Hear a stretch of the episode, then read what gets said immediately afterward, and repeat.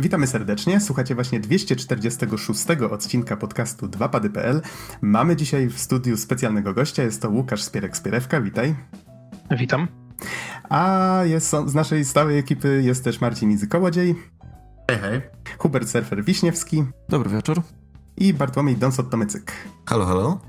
A mówi Adam Noxa 15 Dębski. Nagrywamy w poniedziałek, 5 marca 2018. I tutaj zarzucę taką ciekawostką na wstępie, że Spierek być może najstarsi górale jeszcze pamiętają. Był u nas na podcaście, z tego co ustaliliśmy, jeden raz. Było to na podsumowaniu 2012 ten odcinek, z tego co tutaj widzę, sobie zanotowałem, e, został opublikowany 5 stycznia 2013, więc było to już szmat czasu temu, więc witamy z powrotem. Tak, znaczy byłbym zaskoczony, gdyby nawet najstarsi górale pamiętali mój występ w dwóch padach, bo nawet ja musiałem przez chwilę się zastanowić, że tak, a faktycznie, było coś takiego całe 6 lat temu. W każdym razie e, Spierek, e, Spierek pracuje w game devie, jest, w, w, nie wiem czy, czy ten, można powiedzieć, że jesteś indie deweloperem, czy jeszcze nie?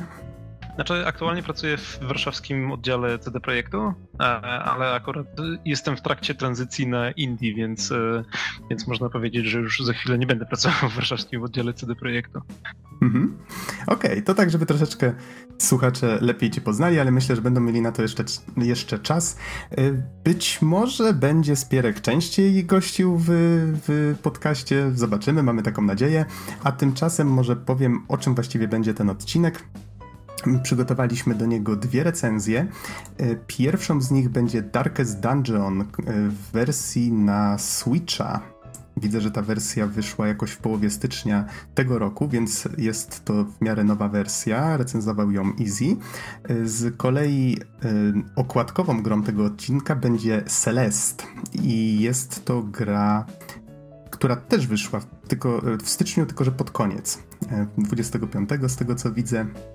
I to akurat recenz- ten tytuł recenzowałem akurat ja z Izim. E, I tutaj od razu może wspomnę o czymś, o czym w recenzji zastanawialiśmy, jak się wymawia tę nazwę. Dzisiaj sprawdziłem. Faktycznie Easy miałeś rację. Wymawia się Celest, czy Celest z, z akcentem i jest to po prostu imię Celina. No cóż, zapomniałem sprawdzić przed recenzją i bardzo kaleczyłem nazwę, mówiąc ją po polsku. Celeste, no cóż, więc teraz mogę się chociaż trochę zrehabilitować. A z kolei w, przypomnę, że już od dwóch odcinków trochę większy nacisk kładziemy na pierwsze wrażenia. Zobaczymy, jak w tym odcinku to wyjdzie. Mamy tutaj przygotowane kilka. świeższych gier, o których będziemy teraz mówić. No, nie wszystkie są aż tak świeże, ale są wśród nich dość spore nowinki. Ale jeszcze może nim do tego przejdziemy, to takie standardowe pytanie, czyli panowie, w co tam ostatnio gracie? Może, nie wiem, Don, Surfer? I zapadła nagle cisza. No, ja mogę powiedzieć, że um, oprócz odkurzania pewnych starych tytułów, y, ciągle, y, ciągle podróżuję przez, y, przez niektórych zwane królestwem bugów. Um, oczywiście w Kingdom Come Deliverance. Um, no i co mogę powiedzieć? No, ostatnich pierwszych wrażeniach już dosyć sporo w sumie powiedziałem. Muszę niestety się poprawić. E, po, po kilku więcej godzinach gry okazało się, że błędy, które tu i ówdzie oczywiście można zauważyć, czasem stają się trochę nie tylko, nie tyle bardziej zauważalne, ale po prostu przeszkadzające. Niemniej wciąż nie jest to, że tak powiem, game breaking issues, więc, więc to jest o tyle dobrze, natomiast no, no niestety, niestety czasem, czasem pewne błędy przeszkadzają wykonywaniu questów, ale poza tym gra sprawia bardzo dobre wrażenie i, i trzyma się nieźle, więc mam nadzieję, że, że przyszłe update'y to i owo jeszcze naprawią. Mhm.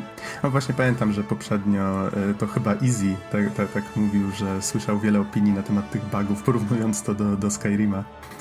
Przynajmniej do początków Skyrima. Um, Okej, okay. a Surfer? No mnie z nowości to niestety za dużo nie będzie. Mm, jedyną taką nowszą produkcją powiedzmy jest e, Bayonetta 2 w wersji na Nintendo Switch. E, chociaż gra już oczywiście ma swoje lata na konsoli Wii U, ale została przeportowana przez Nintendo. Miałem okazję pograć kilka godzin. E, wrażenia są raczej pozytywne, aczkolwiek te rzeczy, które mnie drażniły w jedynce nadal pozostały, więc bez może jakiegoś takiego dłuższego zagłębiania się, ale ten brak różnorodności gameplayu, dosyć nieduże lokacje, e, niewielka ilość jakichś zadań pobocznych i znajdziek. E, ja wiem, że tego tam trochę jest, ale mam wrażenie, że e, mimo wszystko w porównaniu do tego takiego na przykład Devil May Cry czy DMC Devil May Cry, no jest tego znacznie mniej. Znacznie mniej też jest takich elementów platformowych i trochę, trochę dla mnie jest to nużące, że to jest taki e, bicie potworów scenka, bicie potworów scenka, bicie z potworów scenka i to ani ta fabuła jak na razie mnie nie chwyciła za mocno, no ani ten gameplay nie jest dla mnie jakiś mega odkrywczy względem jedynki, więc e, jeszcze przejdę do końca, to może wypowiem się trochę więcej na ten temat. A na razie jest ok, ale bez jakiegoś większego szału.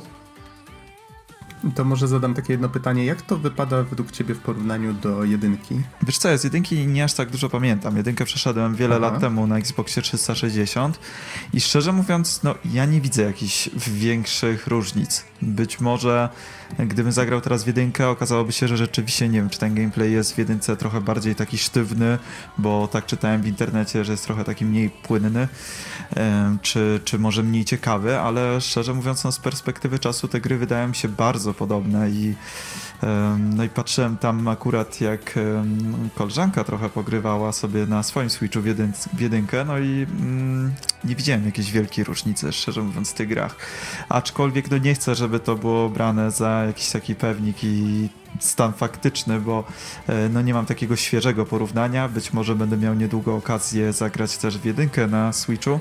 E, no to wtedy troszeczkę może zrobię porównanie. Jeżeli przejdę dwójkę, no to mogę też e, zrobić jakąś albo szybką recenzję, albo jakieś moje tam ogólne takie wrażenia, ale pierwsze wrażenia są jakie są, czyli raczej solidny slasher, ale mnie w żaden sposób nie porwał, no i mm, jako takiego może nie powiedziałbym antyfana jedynki, bo mimo wszystko przeszedłem tę grę, ale no zawsze bardziej ten gameplay w Devil May Cry mi się bardziej podobał niż w Bajonecie.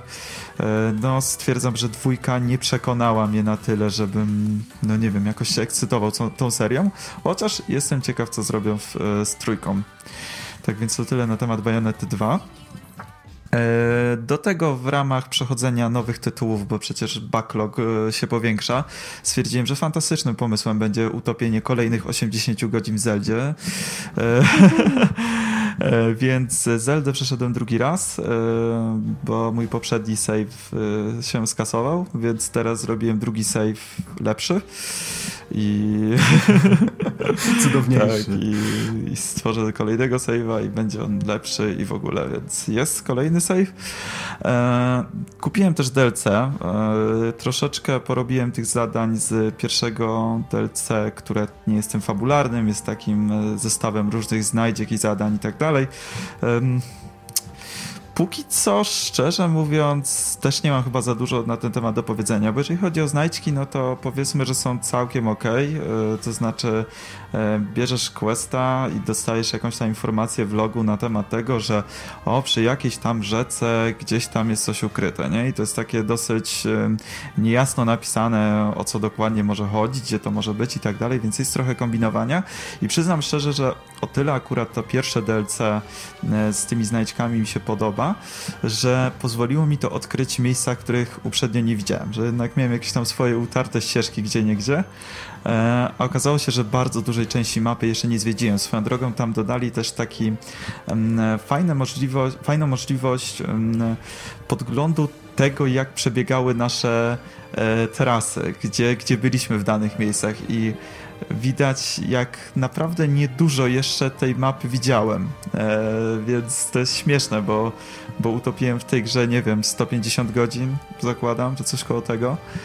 E, I nagle się okazuje, że że tej mapy jeszcze do odkrycia jest bardzo dużo, tych znajdziek do znalezienia, do przejścia tych e, shrine'ów i tak dalej. No i do tego jeszcze cały dodatek fabularny, którego nawet jeszcze nie zacząłem, więc e, w Zeldzie, wbrew temu, że gra właśnie ma swoje pierwsze urodziny za sobą, no jeszcze trochę zostało, więc o tym pewnie też będę trochę więcej opowiadał, jak już przejdę, przejdę te DLC. No i ostatnia gra, o której no dosłownie chcę tylko wspomnieć, bo siedzimy tutaj z Izim bardzo często u mnie i się e, jaramy bijatykami, e, czy to Tekkenem, czy to Dragon Ballem, którego ostatnio mieliśmy okazję wszyscy ograć i chyba mamy, głównie Tekkenem. chyba mamy pozytywne wrażenia, ale tak, oczywiście główne, głównie Tekkenem, no ale cieszymy się też, że mm, kolejna bijatyka 3D od Namco wraca i miejmy nadzieję, że wraca do łask. Mowa oczywiście o Soul Caliburze 6, o którym wie, wiemy już z miesiąca na miesiąc coraz więcej. Wiemy też, że gra ma się pojawić w tym roku. No i tak jakoś e, to nakłoniło mnie do tego, że skoro przy okazji e, akurat PS3 znowu pojawiła się u mnie w mieszkaniu, pojechałem, kupiłem Soul Calibura 5. E, gra, która zdecydowanie nie jest świeża, to jest gra z 2012 roku, o ile dobrze pamiętam. E, aczkolwiek, Zaraz aczkolwiek nie miałem okazji zbyt y, dużo ograć jej, tak na dobrą sprawę może kilka godzin, więc stwierdziłem, że kupię, przejdę e, tryb fabularny, pogram troszeczkę sobie i zapoznam się z tymi nowymi postaciami i tak dalej, e, więc rozumiem skąd krytyka tej gry, aczkolwiek pewne elementy mi się bardzo podobają, no i w sumie biorąc pod uwagę, że w Soul Calibura nie grałem tak więcej, no zapewne właśnie już od jakichś 6-7 lat, no to jest to taki miły, miły powrót e, do, do nawalania sobie w tę grę. I, I w sumie podoba mi się. Oczywiście mam nadzieję, że szóstka naprawi te błędy, które w piątce tak no, nie do końca pewne elementy pasują, ale, ale generalnie jest naprawdę fajnie. No i to tyle z mojej strony. Oczywiście duża ilość gier nadal leży na półce, Tokyo Mirage Sessions, Deus Ex nowy i tak dalej, i tak dalej, ale to jeszcze pewnie będzie miało swój czas w przyszłości, przynajmniej mam taką nadzieję, a na razie zapewne wrócę do Zelda. Okej. Okay. tak jeszcze właśnie szybko wracając do tematu tej Zeldy, chciałem się zapytać, czy czujesz, że grając drugi raz w tą grę podchodzisz do niej od początku zupełnie inaczej w takim minut minut gameplayu? Ja osobiście pamiętam, że jak zaczynałem grę w Breath of the Wild, to właśnie jakby spotykanie tych Guardianów, tych masywnych przeciwników, to zawsze było takie wydarzenie, że faktycznie widzę takiego i myślę sobie, okej, okay, ciekamy stąd, to nie jest miejsce, w którym powinienem się znaleźć i dopiero jakby potem z czasem gra oswajała mnie ze swoimi mechanikami, dawała mi lepszy sprzęt i czułem się coraz bardziej komfortowo z perspektywą walki z nimi. Czy czujesz, że jakby zaczynając grę teraz po raz pierwszy, podchodzisz do tego inaczej, w sensie, że od początku jakby już czujesz, że masz taki poziom mastery w tej grze i od razu jakby rzucasz się na głęboką wodę, czy też tak jakby starasz się stawiać pierwsze kroki w świecie? To znaczy, wiesz, jak już się e, utopiło w tej grze kilkadziesiąt godzin, to trochę ciężko nie czerpać z tego doświadczenia, więc oczywiście, że moje podejście już jest zupełnie inne, chociażby do tego, jak e, przy jednym z pierwszych czterech shrine'ów tam jest taka, na początku gry to jest jedyny moment grze tak naprawdę, gdzie jesteśmy ograniczeni czymś, zanim dostajemy jeszcze tą taką płachtę, która nam e, służy jako taki spadochron. E, tam są cztery szrajny, które trzeba przejść, żeby zdobyć podstawowe umiejętności dla Linka i przy jednym się naprawdę zablokowałem, to znaczy nie wiedziałem jak do niego dojść na chyba dobre 2 czy 3 godziny, e, więc oczywiście teraz już wiem jak to zrobić. E, tak samo jeżeli chodzi o walki z Guardianami, no tak jak mówisz, na początku to było ogromne wydarzenie i mówię, Boże kochany, jak w ogóle z tym walczyć, jak do tego podejść, bo no, ginąłem na strzała.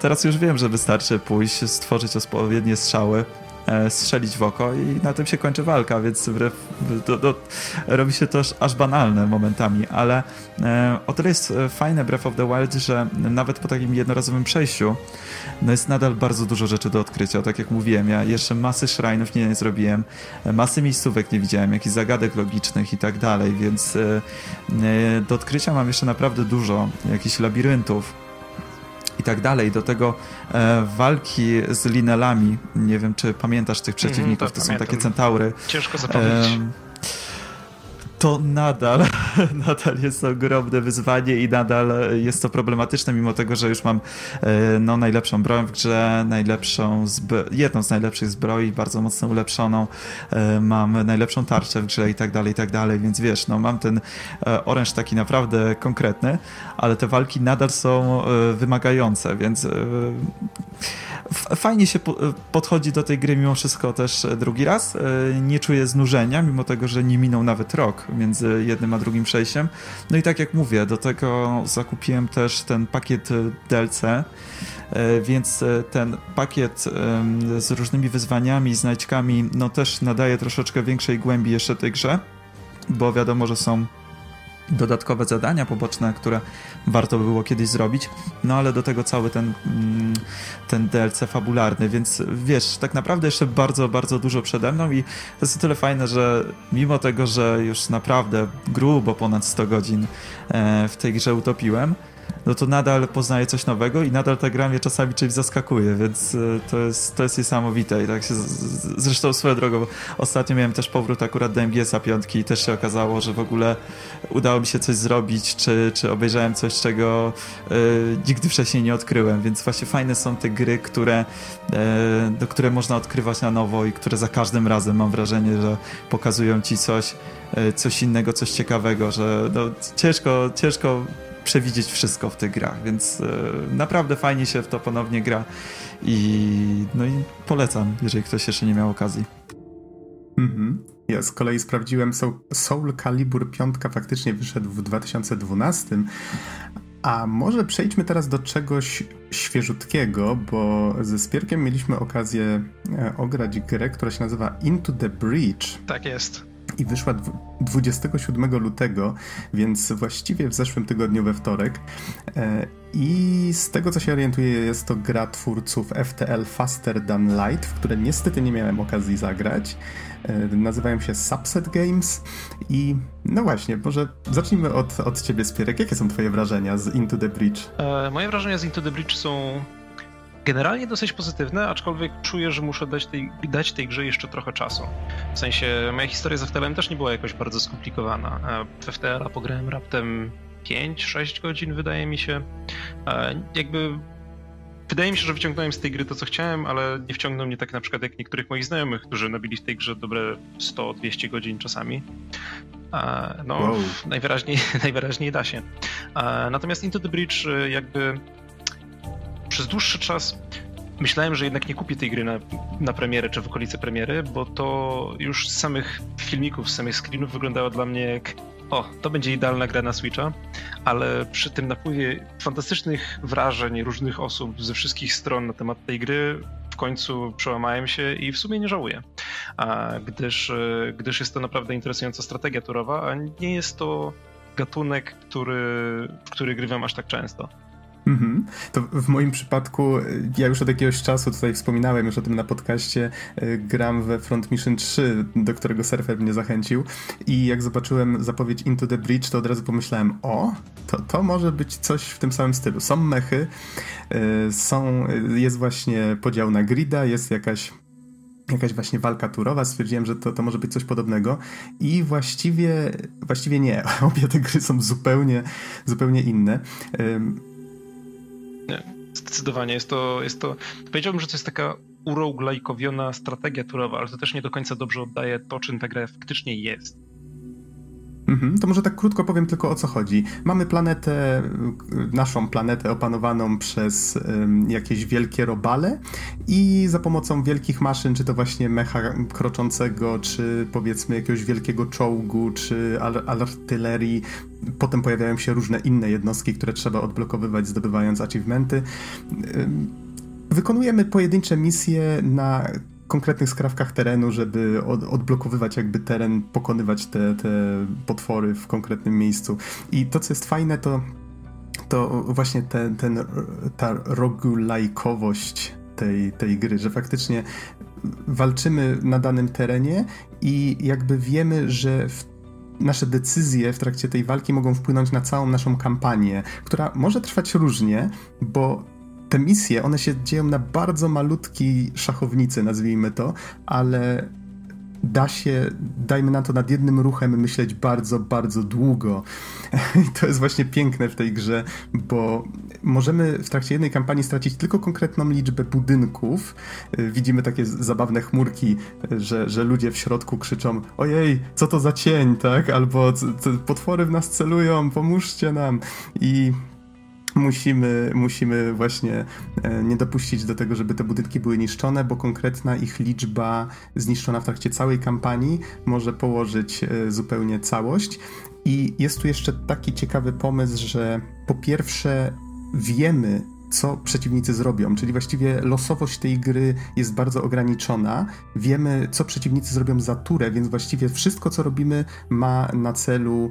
Mm, ma na celu y, powiedzmy przesunięcie przeciwnika, żeby zamiast trafić w budynek trafił w innego przeciwnika albo w pustkę.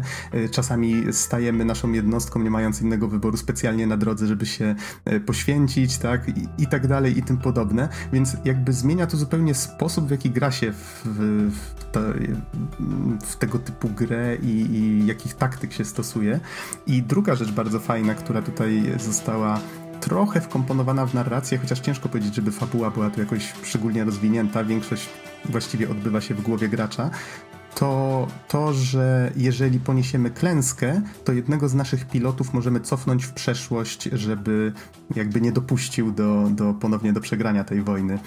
I jest to dość ciekawe, chociaż jest to tak naprawdę tylko mechanika, która sprawia, że jednego z tych ludków możemy z jego expem i odblokowanymi umiejętnościami wykorzystać. Jeżeli zabijemy pilotów przed przegraniem wojny, to cóż, to nie będziemy mieli kogo cofnąć w przeszłość. Też miałem już taką sytuację. I to wszystko wpływa bardzo fajnie na to, jak się w tę grę gra, ale mam wrażenie, że trochę się za bardzo już w szczegóły tutaj zagłębiam. Na pewno będziemy grę recenzować. Um, Spierek, czy chciałbyś coś dodać właśnie na temat Into the Bridge? Oprócz tego, że właściwie jak usiądziesz do tej gry, to czas znika dosłownie. Znaczy, zgodzę się z tobą, że czas znika, bo ja właśnie zacząłem grać w grę e, w pociągu z Wrocławia do Warszawy, więc to jest takie 5 godzin siedzenia komfortowego i te 5 godzin zniknęło momentalnie. Zdążyłem w międzyczasie rozegrać parę partii, niestety żadna nie ukończyła się zwycięstwem i jeszcze nie, nie wiem do końca jak ta gra się kończy. Mam nadzieję to zobaczyć e, wkrótce, ale wrócę tutaj do tego porównania, które poczyniłeś wcześniej, mianowicie gra dzieje się na takiej szachownicy, bo to dosłownie za każdym razem jest, za każdym razem to są różne warianty mapy 8 na 8 tile, więc mamy 64 tile, e, na których są rozlokowani nasi przeciwnicy, są rozlokowane budynki i jesteśmy też rozlokowani my, bo możemy się jakby wybrać na początku, gdzie chcemy zespawnować swoje trzy mechy, a, a następnie rozpoczyna się walka. I właśnie ten aspekt tego, że, że to nie jest, a, że jakby dostajemy pełen wachlarz informacji o tym, co przeciwnicy zrobią. W sensie nie wiemy do końca, gdzie oni się ruszą, bo oni z początkiem swojej tury ruszają się w różne miejsca, ale wiemy, w jakim kierunku poczynią atak i w ten sposób i dają nam możliwość do zareagowania na to. I jest to bardzo interesujące, ponieważ e, wtedy my jakby możemy wykorzystać nasz wachlarz umiejętności do tego, żeby na to odpowiednio zareagować. W sensie na przykład dajmy na to podstawowe mechy, którymi, które dostajemy na samym początku gry, mają tylko możliwość atakowania i przesuwania przeciwników o jedno pole po to, żeby na przykład przeciwnik nie zaatakował budynku, tylko zaatakował swojego sojusznika albo zaatakował puste pole. Natomiast e, późniejsze mechy odblokowują nam zupełnie bardziej złożony wachlarz umiejętności. Na przykład e, mechy, którymi ja się obecnie bawię, to jest zespół, który opiera się na tym, że jeden z mechów potrafi przyciągać siebie do budynków, ale może też przyciągać przeciwników i inne obiekty do siebie, a inny mech w tym, w tym samym zespole potrafi atakować piorunami, które przechodzą pomiędzy obiektami. Więc jeżeli jesteśmy w stanie dobrze rozlokować przeciwników, to możemy stworzyć taki łańcuch elektryczności, który zadaje im wszystkim, łącznie z naszymi sojusznikami, obrażenia. I jakby w grze jest jeszcze dużo więcej różnych mechanik. To jest generalnie taki, taki sandbox złożony z różnych typów mechanik, które, które wspólnie jakby ścierają się ze sobą i pozwalają nam na tworzenie naprawdę interesujących sytuacji, jak właśnie to, że spychanie przeciwników w wodę automatycznie ich zabija, ale tylko niektóre typy. możemy jakby wypuścić chmurę dymu w miejscu, gdzie stoi przeciwnik po to, żeby zablokować jego atak. Możemy przesunąć przeciwnika właśnie w chmurę dymu po to, żeby zablokować jego atak. Możemy wykorzystywać dodatkowe urządzenia na, na polu bitwy. Generalnie tych scenariuszy i tych możliwości jest naprawdę, naprawdę dużo. Tak, dlatego tak wtrącę ci się troszeczkę w słowo. Yy, dlatego nieraz zdarzało się, że myślałem, że okej, okay, to skończę prawdopodobnie tę rozgrywkę w 10-20 minut, a myślałem nad jednym ruchem dobre właśnie 15, tylko dlatego, że wiedziałem, że jeżeli coś skopię, to stracę za dużo budynków i każdy pojedynczy ruch się zastanawiałem, każdy wariant starając przewidzieć, gdzie tego przeciwnika przesunąć albo kilku naraz, bo mając trzy mechy, na przykład musiałem ocalić sześć różnych miejsc, tak? Coś trzeba zawsze poświęcić, ale czasami może się okazać, że, że da się to uratować, tylko trzeba po prostu wpaść na pomysł. Dokładnie, w sensie z, początku, z początku gry właśnie trafiają nam się takie sytuacje, kiedy mamy sześciu przeciwników na polu i oni wszyscy atakują różne budynki i mówimy sobie, to jest nie do rozwiązania, tu się nic nie da zrobić. E, tak. Natomiast jakby im później, im dłużej gramy i jakby dostajemy wachlarz tych różnych umiejętności i też my uczymy się coraz bardziej wykorzystywać złożone mechaniki tej gry, zaczynamy dostrzegać po prostu sytuację, gdzie aha, okej, okay, powiedzmy tutaj mogę zranić swojego pilota, jeżeli wrzucę przeciwnika na jednego ze swoich pilotów, ale to pozwoli mi zadać mu jeden punkt obrażeń i przesunąć go w dogodną lokalizację, żeby zrobić ten inny ruch i wtedy zaczynamy tworzyć takie po prostu skomplikowane sieci zależności, które pozwalają nam e, wyjść z tego z, minimalnym, z minimalnymi obrażeniami. Ale to właśnie dobrze mówisz, że jakby to mhm. znaczy to, co uważam za najbardziej interesujące w tej grze, to jest to, że w przeciwieństwie do większości strategii turowych, takich jak właśnie XCOMy czy, czy Fire Emblemy, nie jest to gra o tym, że musimy zabić wszystkich przeciwników i to jest nasz jedyny warunek zwycięstwa, albo musimy... A, musimy, właśnie, to, to jest ważne. Powiedzmy, no nie wiem, popełnienie błędu jest równoznaczne z restartem i, i, od razu wciskamy F9 i staramy się wczytywać grę. Jest to przede wszystkim gra o minimalizowaniu ryzyka. W sensie naszym głównym celem jest to, żeby jak najmniej budynków zostało zniszczone i żeby spełnić jakieś tam dodatkowe cele, które każda misja posiada, ale nie jest to nie jest to równoznaczne z tym, że musimy zabić wszystkich przeciwników. Nie jest to równoznaczne z tym, że wszyscy nasi piloci muszą przeżyć. To to może mówiąc inaczej, misja jest wygrana, jeżeli przetrwamy konkretną liczbę tur lub jeżeli wykończymy wszystkich przeciwników. Tak, więc na przykład spychanie przeciwników w kierunku z kraju mapy, albo blokowanie im możliwości wyjścia z podziemi, bo tak się spawnują, albo na przykład zamrażanie przeciwnika, który stoi na wyjściu z podziemi, żeby on zablokował wyjście z podziemi. Wszystkie te ruchy jakby sprawiają, że jest to gra dużo bardziej interesująca niż gdyby polegała po prostu na tym, że tu masz swoje trzy roboty, tu masz kilku przeciwników, idź i zabij wszystkich. Mhm. No tak, ale to może już, może już starczy na temat e, Into the Bridge. Tak, skończę tylko taką myślą, bo wspomniałeś, że, e, że każdy błąd tutaj kosztuje. Ja Moja pierwsza sesja z tą grą, ja już się boję jej włączać, naprawdę. E, trwała 6 godzin, w tej chwili mam chyba nastukane ponad 10. I prawie ją skończyłem, bo zaskakujące jest to, że kampania wcale nie jest taka długa, da się ją skończyć dość szybko, można ją ciągnąć dalej oczywiście, poziom trudności się skaluje i przegrałem finalną walkę, jak to się nazywa, robiąc błąd w przedostatniej turze.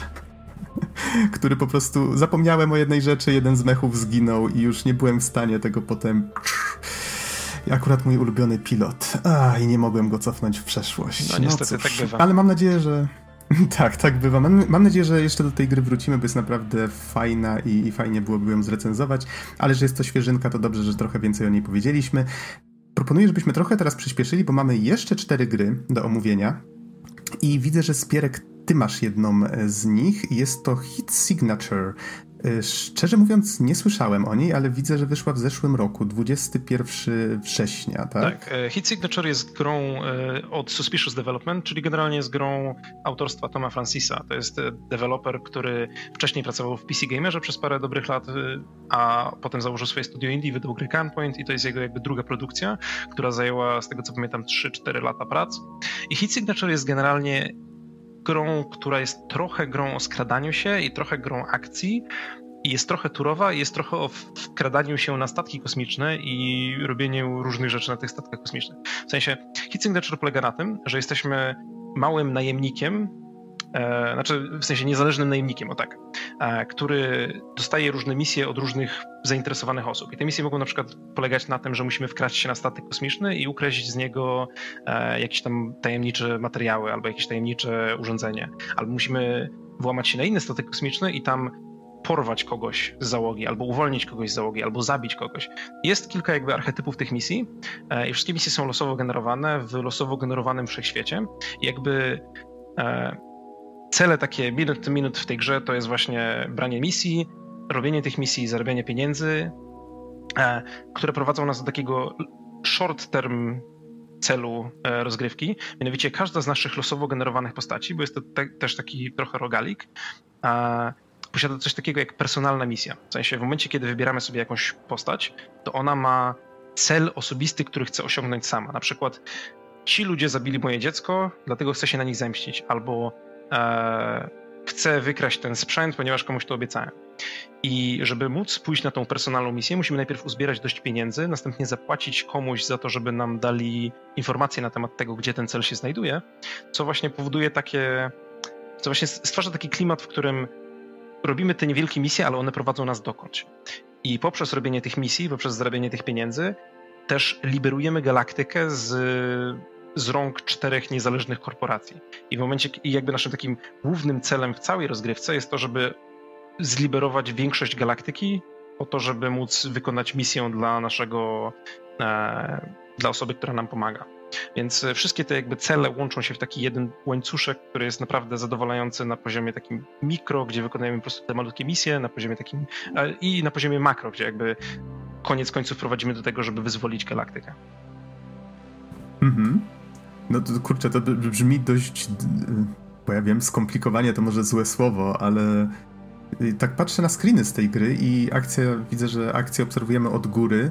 Y, wygląda dość niepozornie, jak na to, co opisałeś. Tak, znaczy gra nie jest jakoś specjalnie, znaczy nie jest przesadnie, mm, nazwijmy to, wypieszczona graficznie, ale jakby wizualnie robi swoją robotę. Przede wszystkim jednym z bardzo fajnych feature'ów graficznych tej gry jest to, że mamy nieskończony zoom, w sensie możemy zbliżyć kamerę tak, że widzimy naszą postać, a potem możemy ją oddalać, oddalać, oddalać tak daleko, aż będziemy widzieli całą galaktykę. E, I to jest wszystko jakby niezależne, znaczy wszystko jest bez czasów ładowania, ani bez żadnych ukryć, po prostu odjeżdżamy kamerą i widzimy, widzimy całą mapę, co jest bardzo fajne i też e, nawet jeżeli nie podejmujemy żadnych misji, to w tej galaktyce faktycznie latają sobie statki i one sobie podróżują od stacji do stacji i jeżeli chcemy nawet na, nie, nawet na statki niezwiązane z naszą misją, możemy się włamywać i nie wiem, na przykład wykraść tam kartę dostępu, po to, że jeżeli kiedyś będziemy mieli misję, misję na tym statku, to będziemy mogli już wejść łatwiej.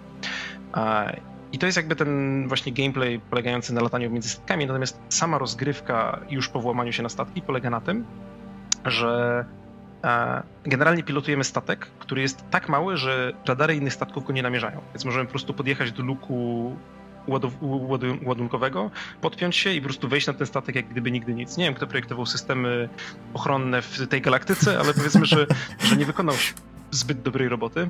A, aczkolwiek e, sam deweloper się z tego śmieje, ponieważ e, jeden z przedmiotów pozwala nam wyłączać e, wieżyczki ochronne, które znajdujemy na tych statkach i różne jakby urządzenia elektroniczne, a inne urządzenie pozwala nam zamieniać je, znaczy przekonwertowywać je na naszą stronę. W sensie, że jeżeli wieżyczka atakuje nas, to po potraktowaniu tym urządzeniem wieżyczka zacznie atakować wrogów i jakby w komentarzu do tego urządzenia znajdujemy opis, że jedyne co powinniście wiedzieć o inżynierach tej frakcji to to, że zaprogramowali e, przynależność jako zmienną. Tak więc, tak okay. więc e, ale jakby sam, sama rozgrywka polega na tym, że wchodzimy na te statki, następnie mamy taki widok od góry trochę ala GTA 2 albo Hotline Miami. E, Hotline Miami jest sobie najlepszym porównaniem. E, I przemieszczamy się po malutkich, modułowo generowanych pomieszczeniach, w których znajdują się przeciwnicy i ci przeciwnicy zwykle krążą na jakichś takich ścieżkach patrolowych.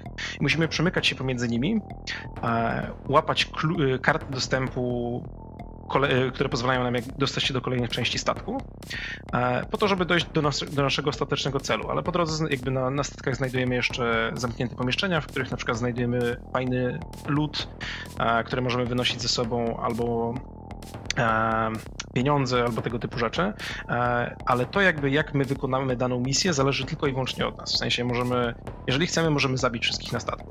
Jeżeli chcemy, możemy sprawić, że nikt nas nie zauważył. I te losowo generowane misje zawierają też jakby pewne warunki, które czasami nagradzają nas dodatkowymi pieniędzmi. Na przykład, jeżeli wykonasz tę misję niezauważony, to dostaniesz bonus pieniężny. Jeżeli wykonasz tę misję bez zabijania kogokolwiek, dostaniesz bonus pieniężny. Co sprawia, że jakby z misji na misję e, działamy troszkę inaczej i staramy się modyfikować, e, modyfikować swój styl grania. E, a przy okazji jakby najciekawszą rzeczą w tej grze jest to, że wszystko jakby cały ten gameplay napędzany jest tym, że deweloper wrzucił do gry bardzo dużo różnych mechanik i bardzo dużo różnych zabawek. Podobnie jak w Into the Bridge, e, jakby wszystko opiera się na tym, że czasami po prostu trafiamy na misję, która jest tak zestakowana przeciwko nam, że nie jesteśmy w stanie wykonać jej w żaden taki prosty sposób, więc wtedy musimy zacząć kombinować.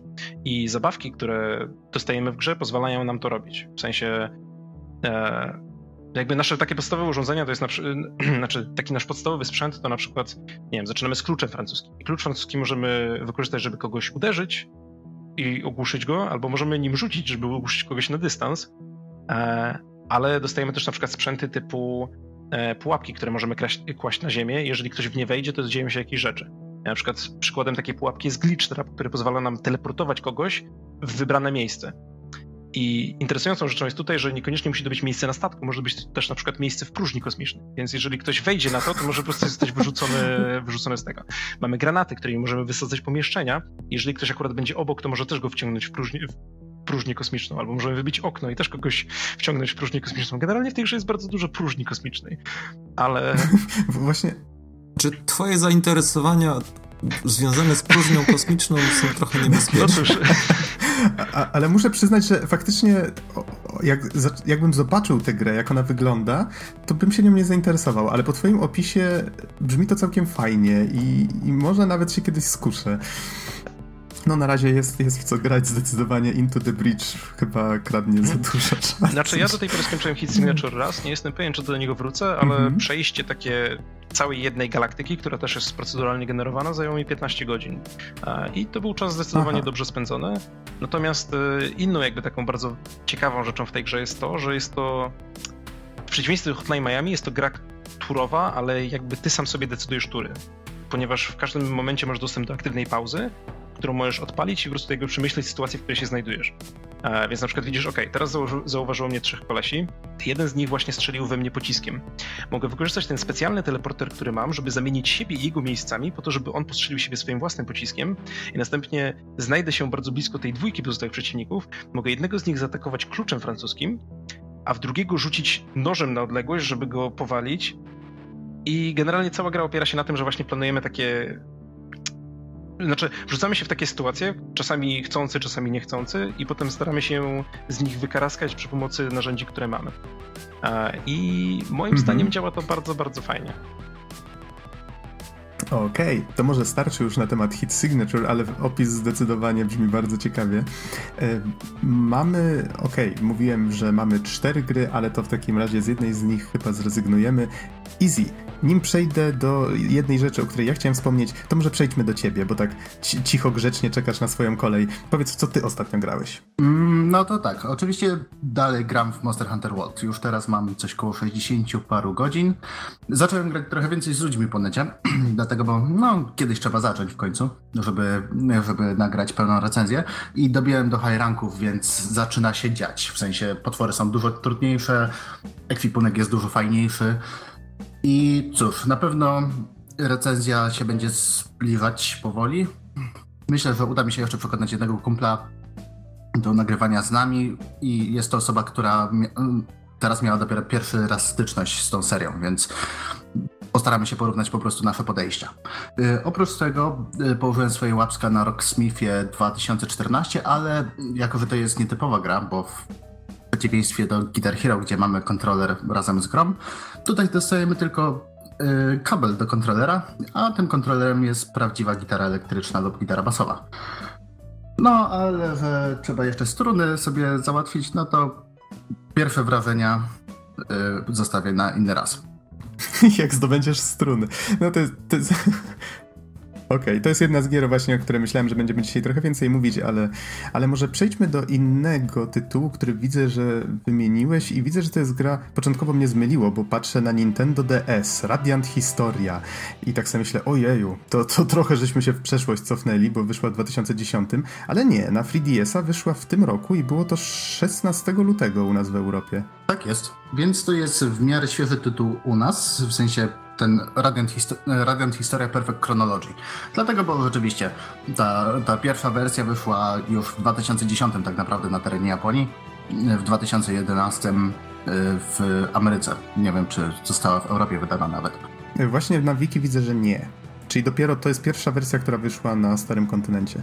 Tak. I ogólnie powiem jedno, to jest naprawdę bardzo dobry japoński RPG.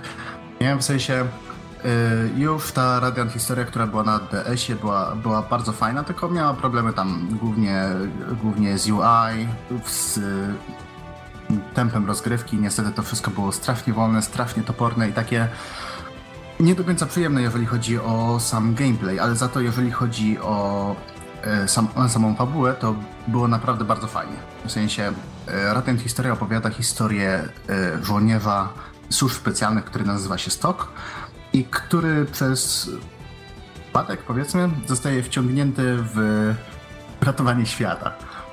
W sensie Jak oryginalnie. E, wchodzi w, w posiadanie e, księgi, która nazywa się Białą Kroniką, która pozwala mu na przenoszenie się w czasie. I tutaj to przenoszenie się w czasie jest rozwiązane tak, że e, w zależności od naszych decyzji po prostu dochodzi do rozgałęzień, tak jakby dochodzi do rozgałęzień fabuły i wtedy możemy się przenosić w ustalonych punktach czasu możemy się przenosić między tak zwanymi nodami. I wtedy podejmując inne decyzje w alternatywnej historii, one się propagują także do, tych, do, do tego timeline'u, z którego pochodzimy. W sensie mamy na przykład, wchodzimy w alternate history, tam okazuje się, że nie możemy przejść, yy, nie możemy wejść do kopalni, dlatego, bo wejście zostało zasypane. I potrzebujemy ładunków wybuchowych. Tylko yy, handlarz ładunkami wybuchowymi został gdzieś zatrzymany, zabity, cokolwiek. Nie wiemy, co się z nim stało. I nie możemy nic zrobić. Dlatego cofamy się w czasie, podejmujemy trochę inną decyzję, żeby pójść w inne miejsce i okazuje się, że on tam po drodze gdzieś jest i ratujemy go z opresji. Dzięki temu w tej pierwszej wersji historii on się tam pojawia, mamy ładunki wybuchowe, możemy wejść do kopalni. Hmm, to, znaczy, intuicja podpowiada mi, że cofanie się w czasie i naprawianie takich prostych pierdółek z reguły prowadzi do psucia się świata bardziej niż jego ratowania, ale co ja tam wiem? Hmm, to znaczy, na razie tutaj jest więcej ratowania niż psucia. Tak, bo wpiłem chyba jakieś 12 godzin, tak mi się wydaje. Tam wieczorami sobie pogrywam właśnie już leżąc w łóżku na, e, na 3DS-ie i, i jest przyjemnie, jest naprawdę bardzo fajnie i, i ta fabuła jest taka dosyć jednak jednak zwarta i, i nie wiem, nie nudzi się zbytnio. Mhm, zapytam o jedną rzecz, bo to jest JRPG, tak? Taki typowy, czy różni się czymś od takiego typowego przedstawiciela gatunku? E, to znaczy, co masz na myśli? E, walk mechanicznie, czy, czy jak rozumiem, eksplorujemy świat, mamy random encountery albo coś w tym rodzaju? Nie mamy random encounterów, tylko mamy przeciwników, których możemy ogłuszyć i wtedy mamy większą szansę y, zaatakować ich z zaskoczenia. Coś w stylu powiedzmy persony czwórki. Hmm, Okej, okay. i potem walki się toczą na zasadzie drużyna, przeciwnik i walka turowa, tak? Coś w tym rodzaju? Tak, walka turowa, tylko to jest ciekawe, że możemy tak jakby na jednym ekranie mamy y, listę z z tym, kto, kto będzie wykonywał kolejny ruch. I możemy y, wykonać akcję, która y, pozwala nam na zmianę kolejności y, aktualnego bohatera z jakąś inną jednostką. To przekłada się na to, że dostaniemy chwilowego debuffa i po prostu będziemy mocniej obrywać, ale dzięki temu możemy sobie ułożyć dłuższe combo, jak pozamieniamy się z przeciwnikami turami. Nie? I tutaj też to jest bardzo ważne, że przeciwnicy są na siatce 3 na 3 i specjalnymi umiejętnościami możemy ich przesuwać. Jeżeli przesuniemy na to samo pole, no to wtedy atakujemy dwóch przeciwników naraz. I nagle okazuje się, że tutaj dochodzi.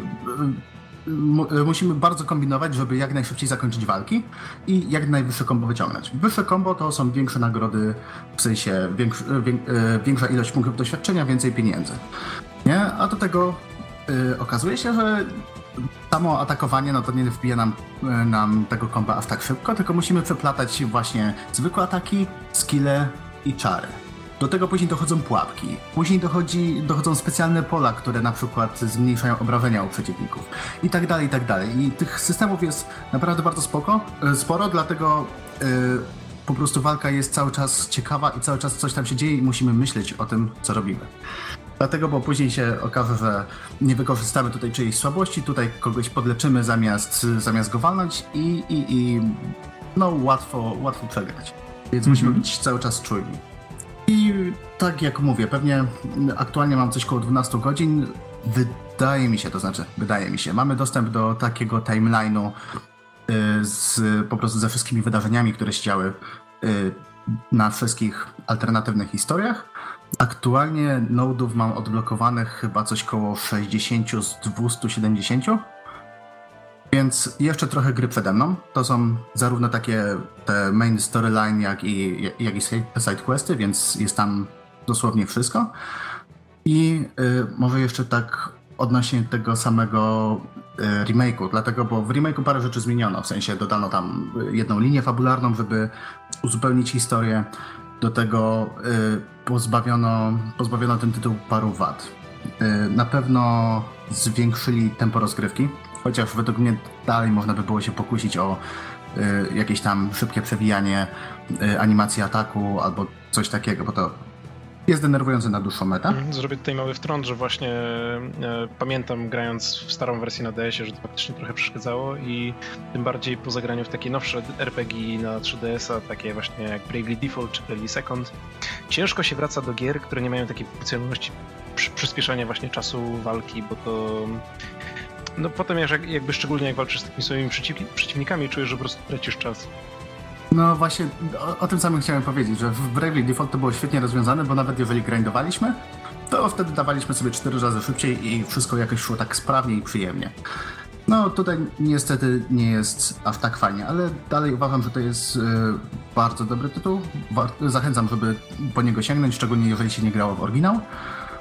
No tym bardziej, że teraz jest na 3DS-ie i, i, i no polecam, naprawdę. Czy miałeś już okazję zacząć okay. ten dodatkowy timeline, który właśnie wskoczył w wersji 3DS-owej, czy to jest y, coś, co się pojawia dopiero później w grze? Y, jeszcze, y, jeszcze nie miałem okazji, dlatego, bo to na, jak zaczynamy nową grę, to wtedy możemy sobie wybrać, czy właśnie czy chcemy pójść tak jakby starym timelinem i po prostu lecieć od początku, czy chcemy mieć dostęp już do, do tej zawartości dodatkowej. Hmm. Stwierdziłem, że spoko, nie pamiętam zbyt dużo z tego, co się tam działo, więc sobie zacznę spokojnie od początku i później dopiero jak odblokuję to, to, to ogram. Jasne. E, I tak jeszcze z mhm. ciekawości, mm -hmm. czy grasz na tym nowym poziomie trudności, bo z tego co się orientuję, Perfect Chronology wprowadza właśnie taki easy mode, który pozwala ci właśnie tak jak wspominałeś, zamiast ogłuszać przeciwników, po prostu jakby kanceluje całe walki, ale daje ci expa i, i przedmioty, natomiast zostawia, zostawia chyba jedyne walki, których nie da się w ten sposób zrobić, to właśnie takie walki fabularne, które są wymuszone. Yy, szczerze mówiąc nie, akurat na normalno sobie gram, ale chyba sprawdzę rzeczywiście, jak, jak okaże się, że zajmuje to za dużo czasu, to pewnie, pewnie ogarnę, bo z tego co pamiętam, to można zmieniać w opcjach poziom trudności. Widzę, że Spierek dość mocno się orientuje w temacie. Ja przyznam się szczerze, po raz pierwszy słyszę o tej grze. Spoko, jak skończę, to ci podrzucę. Miałem właśnie okazję pograć w wersję DS-ową e, z importu, a, a ciepło ją bardzo wspominam, bo raz, że ten system walki jest taki dosyć interesujący jak na JRPG, bo właśnie to przesuwanie przeciwników po siatce sprawia, że twoje decyzje mają trochę więcej znaczenia. Jest, jest ten jak podoba Ci się przesuwanie przeciwników w Into the Breach, to tutaj prawdopodobnie też Ci się spodoba. To jest, e, jest tutaj trochę podobieństwa. A, a z drugiej strony właśnie warstwa fabularna jest taka bardzo, bardzo fajnie dopracowana, szczególnie jakby w kulminacyjnych rozdziałach tej gry wychodzą na jaw takie fajne wątki fabularne, które są naprawdę zgrabnie splecione. Bardzo miło wspominam czas z tą grą. Mhm. Easy, zapytam, czy jeszcze dużo masz e, do dodania na temat Radiant Historia, bo przekraczamy nasz grafik lada moment prawie dwukrotnie. Wiesz co, myślę, że na razie tyle. Jak, jak skończę, tudzież tam przejdę lwią część gry, no to wtedy pewnie mhm. poproszę o jakąś recenzję. Super, dobrze. W takim razie specjalnie grę, o której chciałem jeszcze wspomnieć, zostawiłem na koniec, żeby wiedzieć mniej więcej ile mam czasu. Wiem, że nie mam kompletnie czasu, więc tylko krótko o niej powiem, a myślę, że warto, bo jest świeża. Mianowicie wyszła tego samego dnia co Into the Breach. 27 lutego. E, jest ekskluzywem na PS4, a konkretniej ekskluzywem na PSVR. I Myślę, że warto o niej wspomnieć, głównie też dlatego, że bardzo rzadko pojawiają się gry VR-owe u nas na podcaście. Gra nazywa się MOS, M-O-S-S, czyli mech. I opowiada o małej białej myszce, która jest poszukiwaczką przygód. Jest to właściwie taka bajka. Gra zaczyna się w ten sposób, że mamy przed sobą księgę dosłownie, w której jest nam przedstawiana jakaś historia. Gracz, gra nawet zwraca, zwraca się do gracza jako do czytelnika i my jako ten czytelnik e, przekręcamy kolejne karty tej opowieści. Postacie, które które biorą udział właśnie w tej przygodzie, mm, czasami też się do nas zwracają na, na zasadzie, że e, cieszą się, że znalazł się w końcu taki potężny czytelnik, który być może pomoże przywrócić ład i porządek, tak, na tej zasadzie, więc my też niejako jesteśmy bohaterem tej historii, mimo że obserwujemy ją z perspektywy jakiejś istoty, która gra zaczyna się w ten sposób, że ta, ta, główna bohaterka podnosi e, kawałek szkła magicznego i wtedy zaczyna nas widzieć. My możemy się przejrzeć na przykład w wodzie, e, która jest pod nami. Widzimy, że jesteśmy taką zamaskowaną postacią i właściwie gra jest platformówką, tylko że my właśnie poruszamy się jako ten obserwator. Mm, do, dookoła tych platform, znaczy nie tyle dookoła. My sobie stoimy w jednym miejscu, widzimy jakieś otoczenie, te platformy, za pomocą pada kierujemy poczynaniami tej myszki i właściwie ca cała przygoda polega na tym, że podnosimy jakieś przedmioty, atakujemy przeciwników mieczykiem, możemy za pomocą pada, ruszając padem, chwytać jakieś elementy otoczenia, wysunąć jakąś platformę, pomóc właśnie tej myszce się przedostać do jakiegoś miejsca, czy przytrzymać jakiegoś przeciwnika, żeby jej nie zaatakował. Jest to bardzo fajne, spędziłem z grą dopiero dwie godziny, myślę, że zbyt długa nie będzie, więc prawdopodobnie recenzja się prędzej czy później pojawi, ale już teraz widziałem, że gra zgarnia bardzo dużo pozytywnych opinii, niektórzy nawet mówią, że warto dla niej kupić e, PSVR. No, tutaj jakby decyzję co do tego pozostawię Wam. Na pewno więcej na ten temat powiem na recenzji, ale gra na pewno ma. jest zrobiona z sercem i tak bardzo przyjemnie. Myślę, że zdecydowanie za rzadko twórcy właśnie sięgają po takie typowo baśniowe e, klimaty w tej chwili, a ta gra właśnie się w takie wpasowuje i wychodzi jej to całkiem, całkiem fajnie. Więc do tego jeszcze myślę, wrócimy, a tymczasem przejdźmy już może do tych dwóch recenzji, o których wspomniałem na początku odcinka, czyli do recenzji e, Darkest Dungeon i do recenzji Celeste.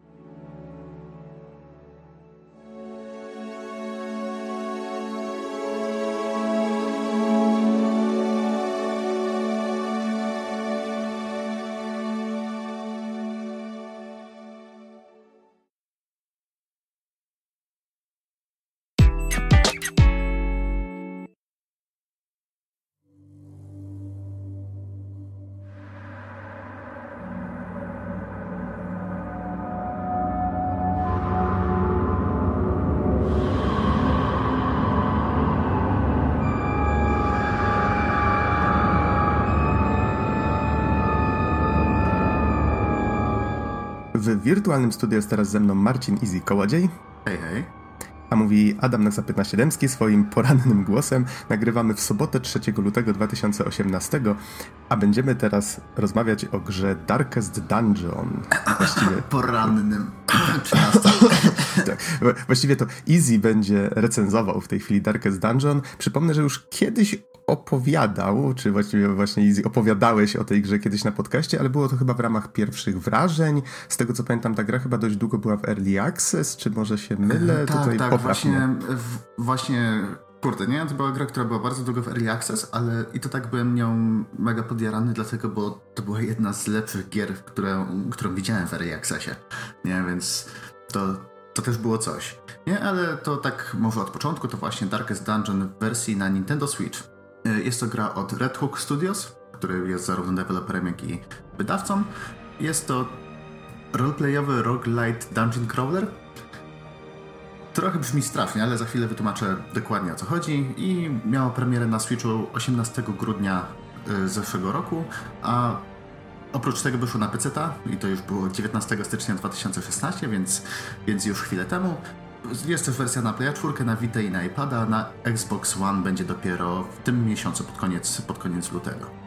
I y, zakupiłem od razu wydanie kompletne, czyli z dwoma dodatkami. The Shield Breaker to jest nowa klasa postaci y, oraz The Crimson Court to jest rozszerzenie fabularne, ale szczerze mówiąc jeszcze w niego nie grałem, dlatego bo jest problem taki, że nie da się go praktycznie przejść przez buga wewnątrz gry.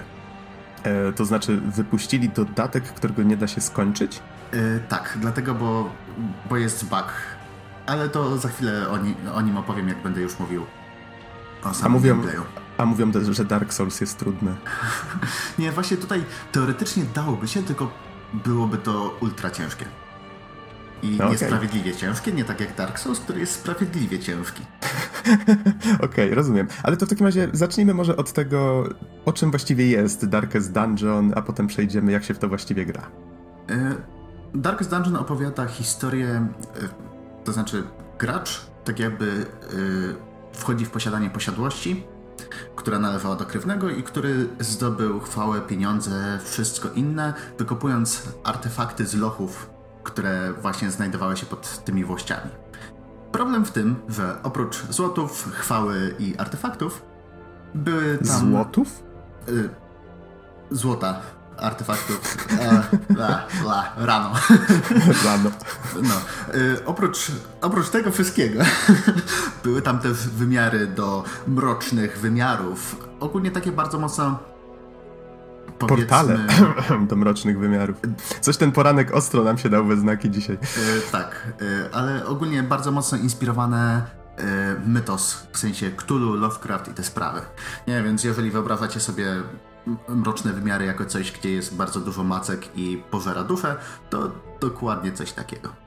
Właśnie przed recenzją obejrzałem sobie zwiastun, na którym narrator bardzo fajnie, tak jak mistrz gry, opisywał drużynę, która wchodzi e, do tego lochu i, w tym mroku zaczynają tracić zmysły. Było to tak fajnie pokazane. Myślę, że zamieścimy ten zwiastun pod podcastem.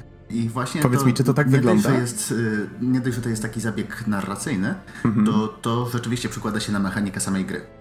Co jest właśnie bardzo ciekawe i to wyróżnia y, Darkest Dungeon spośród innych, innych takich roguelite'ów powiedzmy. A takie pytanie, które mi się nasunęło, czy jest narrator w trakcie rozgrywki, czy... Jest to... narrator o. i właśnie to jest fajne, dlatego, bo przechodzisz przez te lochy i on zaczyna właśnie coś tam mówi i wtedy nasz bohater wziął pochodnie i coś tam ten Okej, okay, dobra, to nic takiego, ale później załóżmy natrafiamy i wtedy bohater zobaczył straszne wizje, które wypaczyły jego umysł. Bam, nie? Choroba. Więc jest to naprawdę bardzo fajnie, fajnie poprowadzone, ale może trochę o gameplayu, nie? Dlatego, bo mówię tutaj o chodzeniu po lochach. Cała gra tak jakby dzieli się na dwie takie zasadnicze części.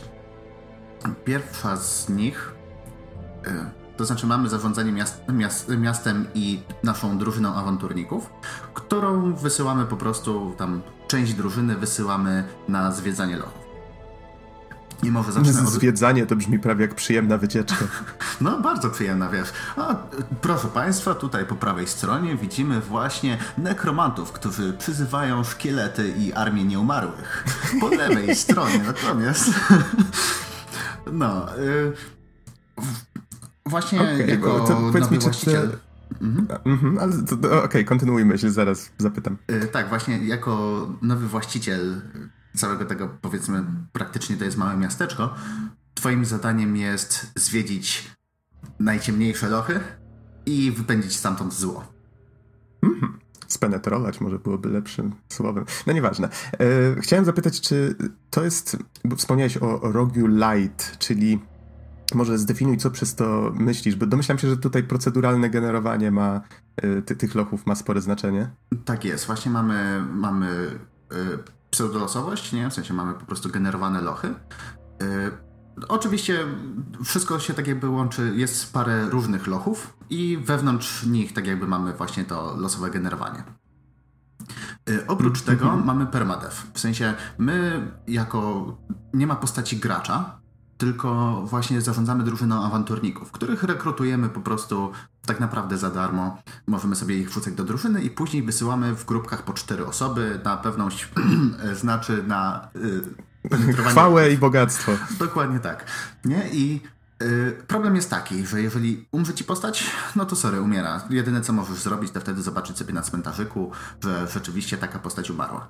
I tutaj od razu mówię, bardzo fajnym sposobem nagrania jest nazywanie postaci yy, właśnie tam ksywami znajomych, albo właśnie jak Nox, wymyślić sobie jakąś surfer. konwencję. No dokładnie, dlatego, bo później człowiek gra i bardziej się stara, co nie? Stara o, Nox żeby... został zjedzony przez wilkołaki, uhuhu. Raczej nie uhuhu, tylko uu. A nie, o, sorry. Nie, ale właśnie to, to jest fajne dlatego, bo człowiek zaczyna się bardziej starać i bardziej mu zależy na tych postaciach, i wtedy nie podejmuje głupich decyzji, bo tutaj rzeczywiście stwierdzimy, że a nie, tutaj trochę jest zestresowany i w ogóle, ale spoko, wyślemy go, na pewno sobie poradzi, przecież ma wysoki poziom. Ale Darkest Dungeon nie wybacza. To znaczy, z tego co słyszałem, na Switchu jest łatwiej. Po prostu jest trochę lepiej zbalansowane jeszcze parę patch weszło, które mm, których jeszcze nie ma na innych platformach. To nie? I dzięki temu gra się rzeczywiście trochę przyjemniej. Trochę łatwiej, bo na początku to Darkest Dungeon był strasznie trudny. Rzeczywiście jeden zły losowy wynik i cała drużyna umierała. A wspomniałeś tutaj o poziomie. Czy to znaczy, że czy to znaczy, że bohater na przykład może wrócić do tego miasteczka i potem kontynuować przygodę z innym składem, jak mu zginą? Czy to jest tak, że jak wchodzisz, to jest już tylko one-way ticket w jedną yy, stronę? Nie, właśnie bohaterowie wychodzą i tutaj właśnie mamy ten kolejny element roguelite'a, że mamy progresję. Dlatego, bo zarówno mamy progresję na poziomie samych postaci, w sensie one zdobywają, zdobywają poziomy, trochę rosną im, statystyki, ale też później możemy... Yy, postacie z większymi poziomami ulepszyć w mieście, w sensie dać im lepszy ekwipunek, y, ulepszyć im skille, żeby zadawały więcej obrażeń, więcej leczyły itd., tak itd. Tak Czyli y, rozwijając miasto, bo o tym też wspomniałeś, miasto jest jakby taką rzeczą, która się nie zmienia, jak wyłączamy grę, włączamy, to to miasto jest jakby tym naszym, tak? Tak, mówię? właśnie jest taką, taką naszą bazą wypadową, powiedzmy.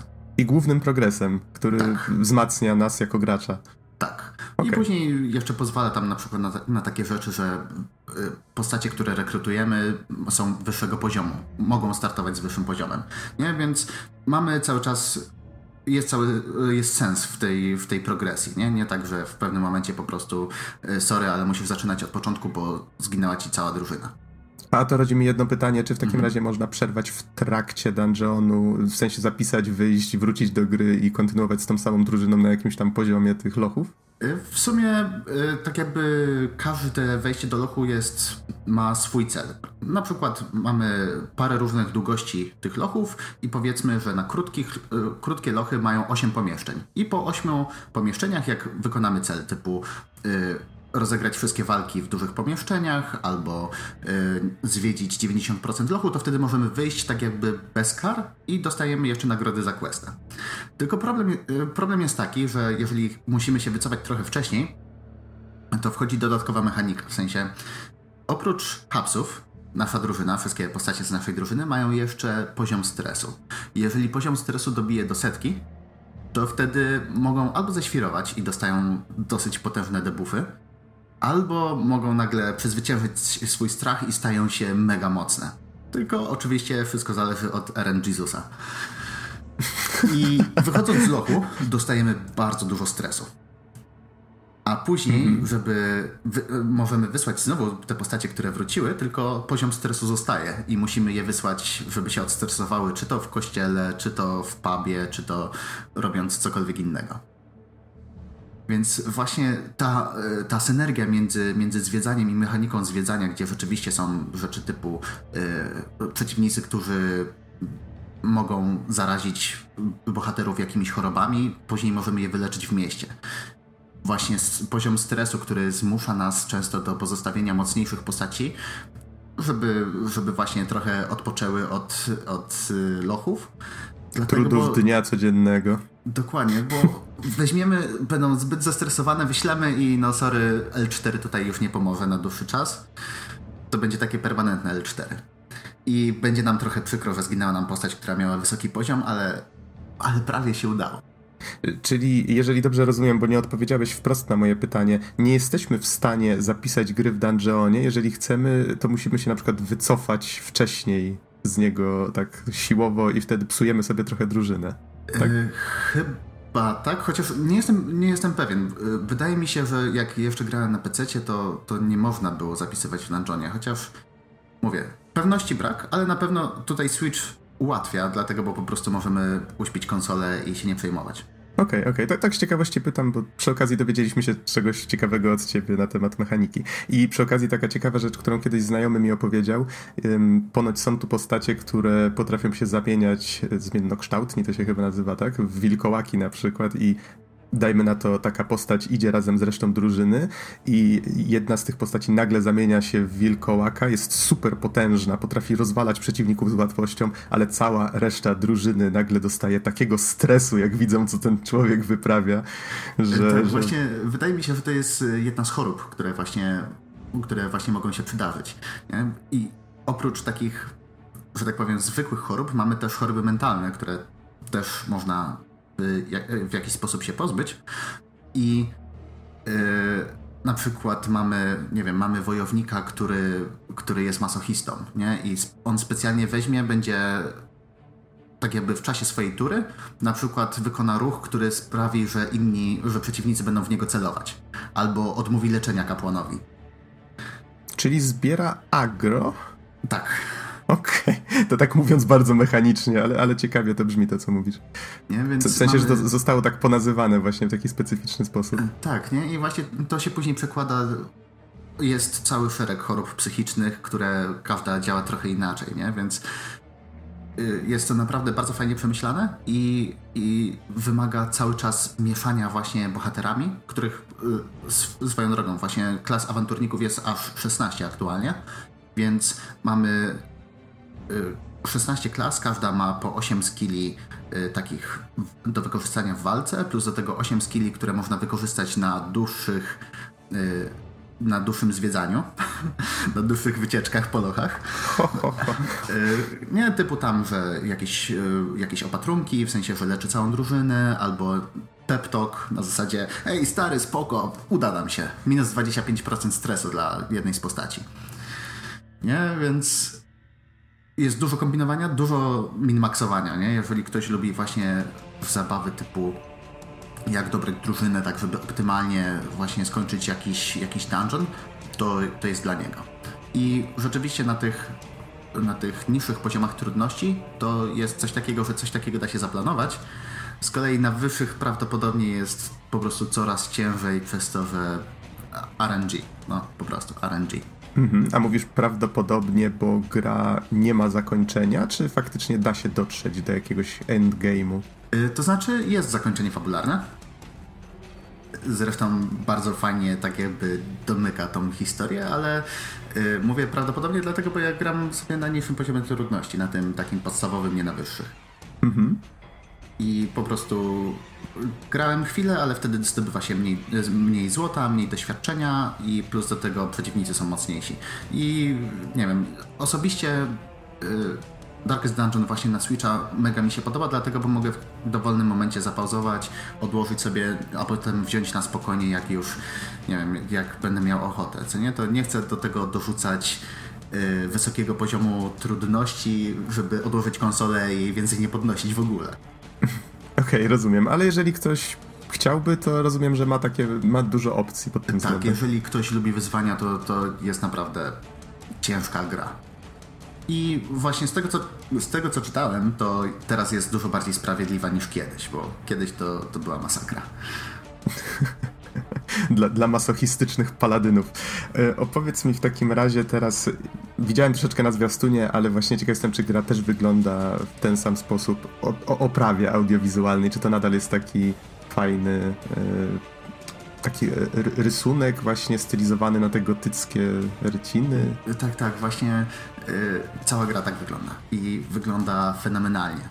Jest mrocznie, jest właśnie te takie gotyckie kreski, jakieś takie, hmm, jakby to określić, właśnie te, y, mamy taki styl trochę jak ryciny, grube kreski, takie mocno zarysowane wszystko i wszystko ręcznie rysowane. Wygląda świetnie, wygląda fenomenalnie, plus do tego mamy y, jakieś takie lekkie animacje, na przykład podczas walki to jest jak ktoś wykonuje atak, no to wtedy mamy tak jakby dwie klatki, nie? W sensie normalnie stoi, stoi bohater, a potem ma jakiś zamach plus efekty i wtedy kamer, kamera się przybliża i jest tak jest tak dynamicznie, prawda, że nie, pomimo tego, że to są statyczne obrazy, to całość walki wygląda bardzo dynamicznie i wszystko, wszystko jest zamknięte właśnie w tym w tej stylistyce, wszystko do siebie pasuje. Jest jedna z lepszych takich bardziej konsystentnych opraw że tak powiem, jeżeli chodzi o indie gierki.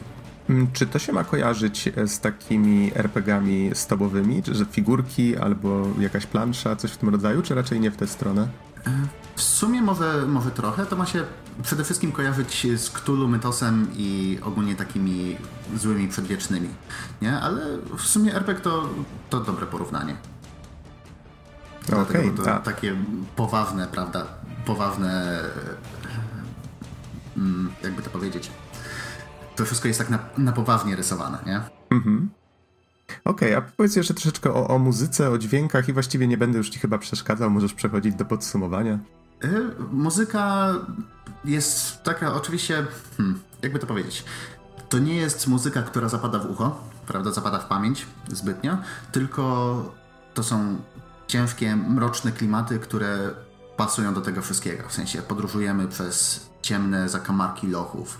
Do tego właśnie słyszymy jakieś takie dziwne dźwięki niewiadomego pochodzenia. Ciężka muzyka, która ma po prostu władować nam adrenalinę w żyły i mamy się bać. I naprawdę wszystko tutaj pasuje i, i udaje mi się. No po prostu udaje mi się to świetnie. I prawda, mówię, nie będziecie tego soundtracku słuchać później po godzinach, dlatego, bo sam w sobie nie jest, nie jest do słuchania, ale, ale jeżeli chodzi o grę, to spisuje się idealnie. Dlatego słuchajcie, jeżeli potrzebujecie jakiegoś dobrego indyka, czy to na Switcha, czy to na inną konsolę. Osobiście polecam na Switcha, bo bo czemu by nie? Jeżeli możemy zabrać to, to ze sobą gdziekolwiek, to tym lepiej dla tej gry. Jeżeli potrzebujecie zagrać w ciężkiego, wymagającego roguelite'a, który y, z jednej strony y, jest, jest wymagający, ale też w miarę sprawiedliwy i który każe wam cały czas myśleć nie tylko o tym, o takiej czystej, czystej walce, tylko też, który każe wam myśleć o tym, jak wszystkim zarządzać, jak, jak ogarnąć to, żeby postacie były gotowe na kolejną walkę, na kolejne starcie, to to jest coś dla was. Ale z drugiej strony, jeżeli nie chcecie poświęcać zbyt dużo czasu na gry i wolelibyście w coś lżejszego i niewymagającego. Choćby tutaj bardzo dobrym przykładem jest właśnie Dark Souls, nie? Do tego po prostu trzeba lubić, lubić przysiąść, bo bo inaczej człowiek się będzie frustrował i odłoży tą grę. To, to jednak, jednak jedno pytanie mi się tutaj nasuwa, bo ważną kwestię poruszyłeś. A propos czasu, czyli ile trwa taka jedna sesja, jeden wypad do dungeonu? Yy, zależy od długości dungeonu, dlatego, bo to może być dosłownie od 10 minut, gdzie po prostu idziemy i mamy prawie że power fantazy, nie? Mamy przekoksane postacie, wchodzimy z buta, rozwalamy wszystko. Przez takie pół godziny, nawet, nawet dłuższe. Mhm. A, a całość gry, tak na oko? O, całość gry naprawdę bardzo ciężko mi powiedzieć. Dlatego, okay. bo to tam jest sporo planowania i tak dalej. Dlatego, dlatego też Switch jest fajny, nie? Dlatego, bo możesz wziąć wszędzie go ze sobą i po prostu w wolnych momentach sobie szpilnąć. Yy, o, właśnie, jeszcze swoją drogą. Co do tego Crimson Court, nie? To, Czyli dodatku, tak? Dodatku fabularnego, mm -hmm. to on trochę zmienia mechanikę, dlatego, bo mamy dungeon, który yy, też jest losowo generowane, ale po prostu, y, ale możemy z niego wychodzić w trakcie rozgrywki bez kar do właśnie bez stresu dodatkowego. I później jak wchodzimy, to kontynuujemy od tego samego miejsca. Tylko ten bug polegał właśnie na tym, że zaczynaliśmy cały czas od początku. A on jest mm. bardzo długi, bardzo wymagający, a przed każdym wyruszeniem w drogę należy nie tylko zebrać drużynę, ale też zgarnąć wszystko potrzebne do przeżycia, jakieś właśnie pochodnie, jakieś jedzenie, jakieś inne rzeczy, które pomogą nam przetrwać. Ale wspomniałeś bug? W sensie to było zamierzone, czy nie? To było niezamierzone. Właśnie Aha. Crimson Court działał tak, że wchodziło się do dungeonu, później się wychodziło i wracając, wracaliśmy na to samo miejsce, prawda? A tak to zaczynaliśmy od początku. I spoko, można to skończyć, ale ja bym tego nie polecał. Okej, okay, czyli rozumiem, że dodatek nadal powinien być jeszcze połatany, nim się zacznie w niego grać, nawet w wersji na Switcha, tak? Tak, wydaje mi się, że jakoś okay. na dniach to powinno wyjść. W sensie tylko wersja na Switcha ma ten bug, z tego co wiem. No cóż, Easy, w takim razie jakaś myśl końcowa? Yy, lubicie wyzwania, lubicie ciężkie, mroczne klimaty, bierzcie. Jeżeli chcecie się odstresować, to na pewno to nie będzie gra dla was.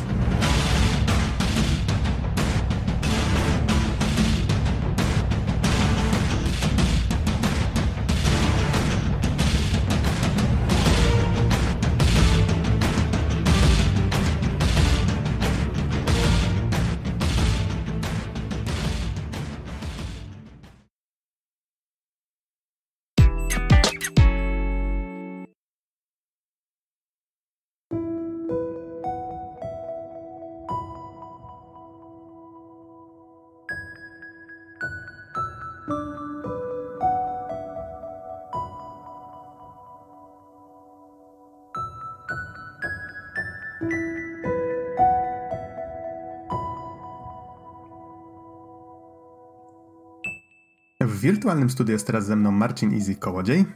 Hej, hej. A, mówi Adam Nusa 15 Dębski. Nagrywamy w niedzielę 4 marca 2018 i będziemy teraz recenzować grę, która nazywa się Celeste. Wspominaliśmy już o niej przy jakiejś tam okazji ym, na wstępie. Z tego co pamiętam, chyba było to przy okazji odcinka, w którym recenzowałem ikonoklastów, bo obie te gry wyszły właściwie w bardzo podobnym czasie. E, było to pod koniec stycznia, już tutaj patrzę, 20... Celeste wyszła dokładnie 25 stycznia 2018, a ikonoklaści chyba kilka dni wcześniej, czy, czy, czy jakoś tak. No już tutaj nie chcę skłamać, zaraz mogę sprawdzić. Easy. Jakbyś mógł podać troszeczkę informacji encyklopedycznych, zaraz przejdziemy do szczegółów, czym ta gra właściwie jest i tak dalej. E, pewnie, więc tak, Celeste to jest gra stworzona przez Matt Makes Games, to jest w sumie i wydawca, i deweloper. Matt Thorson, tak dokładnie to Matt Thorson i przyjaciele, co zresztą zawsze pisze na swojej stronie internetowej, żeby nie zapominać o tym, że to też jego przyjaciele robili. I została wydana 25 stycznia 2018 roku na masę platform. Na Nintendo Switcha, Playa 4, Xbox One i PC z systemami Windows, Linux oraz Mac. Więc totalna multiplatforma i co by tutaj jeszcze dodać? A, Celeste jest precision platformerem. Można by to tak nazwać, myślę? Faktycznie to się czyta e, Celeste, Celest, Celest? E, nie Czy tak wiem. Tak się... nie wiem, ale tak mi pasuje, przyznam, więc tak będę mówił.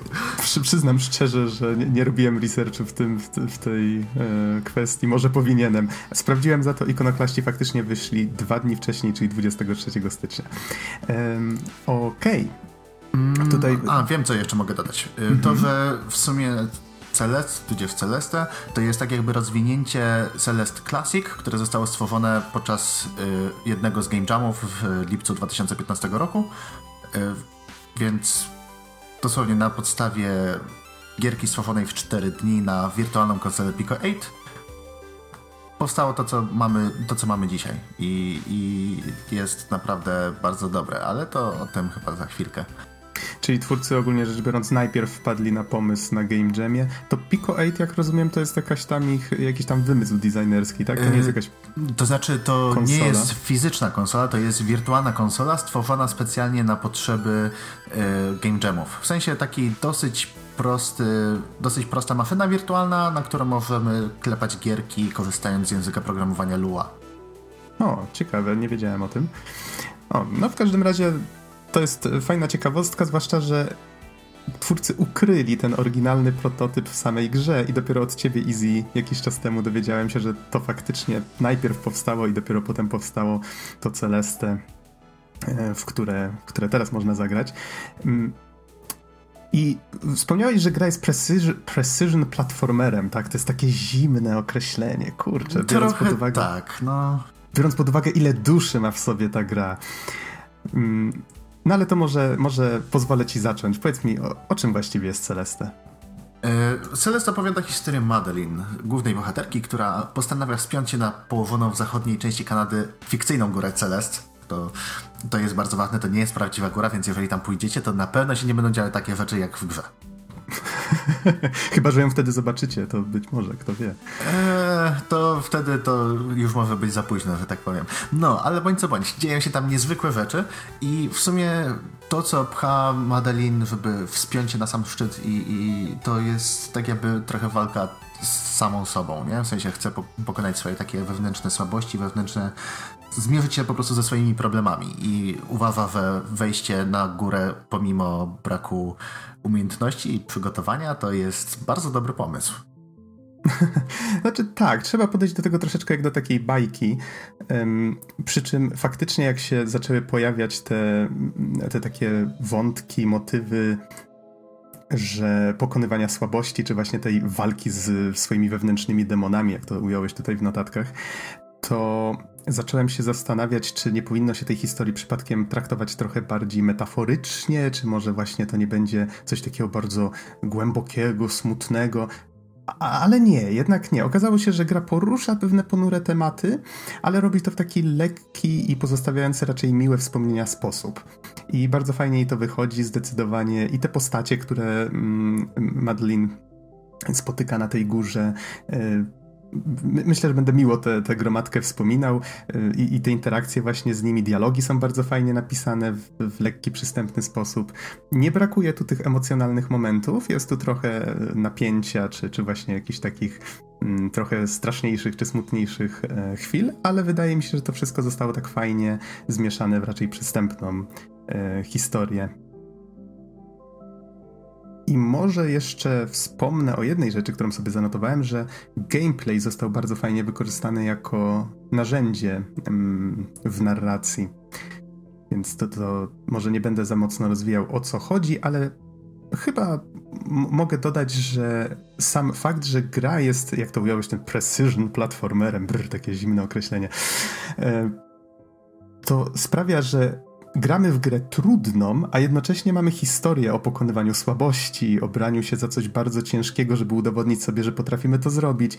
I wydaje mi się, że to bardzo ładnie gra ze sobą, jedno z drugim. Myślę, jak, że jak najbardziej, jak tym bardziej, że Celest jest ciężka. No, nie oszukujmy się, ale jest po prostu, może jest sprawiedliwie trudna i jest bardzo wymagająca.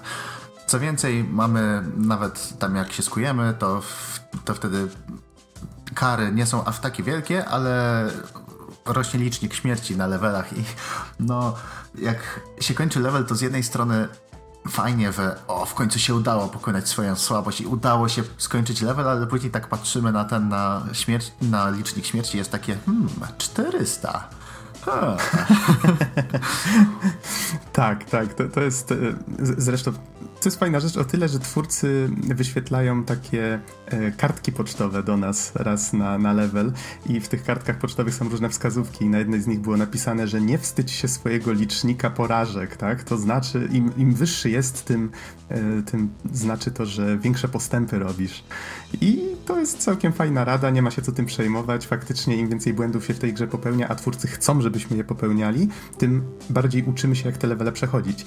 Ale może powiedzmy bardziej jak się w tę grę właściwie gra? Jak, jak, bo tutaj powiedzieliśmy trochę o fabule, o tej historii i tak dalej, ale e, całe to określenie precision platformer jakoś nie za bardzo tu tłumaczy o co chodzi. To Przede wszystkim jeszcze jedną rzecz chciałbym wspomnieć przed tym. Wspomniałeś, że gra jest bardzo trudna i być może to zniechęci niektórych, żeby słuchać recenzji dalej. Poczekajcie, jeszcze do tego wrócimy. Wydaje mi się, że nie ma się co zniechęcać poziomem trudności, bo twórcy dużo serca włożyli w to, żeby faktycznie ta gra była przystępna dla wielu też, osób. Y, I to też nie jest tak, że gra jest od razu z miejsca taka mega trudna, tylko po prostu wraz z postępami w grze wyzwania są coraz cięższe, ale też wydaje mi się, że nie ma takich gwałtownych, gwałtownych skoków poziomu trudności. Mhm, tak, ale do tego jeszcze przejdziemy. Jeżeli chodzi o takie pierwsze skojarzenie, jakie miałem, nie wiem czy twoje było takie samo, to to, że gra bardzo przypominała mi Super Meat Boya pod względem e, swojej konstrukcji troszeczkę. No właśnie, w sumie mamy i bardzo ciężkie elementy platformowe i sama gra jest bardzo szybka, nie? I też tak jak wspominałem, te kary za, za skucie się są bardzo małe. To myślę, że tak, Super Meat tak. Boy to jest najlepsze porównanie takie, jeżeli chodzi o taką totalne podstawy mechaniki. Tak, czyli y, Super Meat Boy miał te same założenia, czyli że, y, gracz, że graczowi można przedstawić bardzo duże wyzwanie i będzie to dla niego bardziej znośne, jeżeli będzie mógł po porażce spróbować od razu znowu. I faktycznie tutaj te przerwy są takie natychmiastowe. Spadamy w przepaść, bum i pyk, jesteśmy respawnowani na tym samym ekranie. I właśnie gra jest podzielona na takie ekrany, one czasami są. Yy, powiedzmy troszeczkę większe, ale to ogólnie rzecz biorąc są jakieś tam um, takie właśnie niewielkie tory przeszkód, które musimy przebyć. Jeżeli tylko przejdziemy do następnego takiego toru, to automatycznie gra się zapisuje w tym miejscu i um, nawet jeżeli zginiemy, spadając w jakąś przepaść, wpadając na kolce, czy w jakąkolwiek inną pułapkę, no bo wspinając się na góry, wiadomo, że spotykamy różne tego typu rzeczy, prawda? E, to, to zostajemy właśnie na początek tego ekranu, a czasami nawet do jakiegoś checkpointu, czyli to jest tak, że nie zawsze, nie zawsze początek ekranu jest tym e, checkpointem, czasami twórcy ułatwiają nam sprawę jeszcze troszeczkę bardziej. No, tak jak wspomniałem, są tu takie różne um, usprawnienia, które sprawiają, że ta gra stara się być przystępna, choć to nie jest jeszcze wszystko, do tego jeszcze przejdziemy. Niemniej to są wszystko takie podobieństwa do tego Meat Boya, bo sam sposób, w jaki się porusza trochę postacią, y, też przypomina Meat Boya. Znaczy, nie rozpędzamy się, tak jak to było w Meat Boyu, ale na przykład możemy robić wall jumpy, tylko że mm, akurat Madeline potrafi wspinać się po powierzchniach. Co prawda bardzo szybko traci staminę, wall jump jest akurat y, akcją, która tej staminy nie wymaga, ale jeżeli się po prostu chwycimy ściany i spróbujemy pionowo po niej wchodzić, to w pewnym momencie zaczniemy się ześlizgiwać i spadniemy. Tak, i właśnie tutaj najważniejszą mechaniką są dafy. W sensie takie w powietrzu możemy mm, tak jakby, nie wiem, jakby to ładnie po polsku ująć, daf. Też mam zawsze ten problem, ale to jest właściwie takie bardzo szybkie przemieszczenie się w powietrzu w jedną stronę. Coś tak. w rodzaju takiej teleportacja to złe określenie, ale no, dash. Niech, niech tak, będzie dash, tak. póki nie znajdziemy lepszego zamiennika. Takie momentowe, momentowe przyspieszenie możemy po prostu nadać sobie w dowolnym kierunku. I właśnie możemy to zarówno na, na jakimś podłożu, jak i możemy w powietrzu. W powietrzu oczywiście możemy 8-way run zrobić, prawda? W sensie tam góra, dół, lewo, prawo i po skosach. I to jest podstawa mechaniki. Rzeczywiście większość tutaj y, tych y, zagadek platformowych, że tak powiem, to właśnie opiera się na tym, żeby dobrze wykorzystać y, dash i po prostu gdzieś najlepiej z międzylądowaniem, żeby on się odnowił, dlatego, bo na każdy skok tak jakby przypada nam jeden dash. I czasami spotykamy też kryształy, które go odnawiają w powietrzu.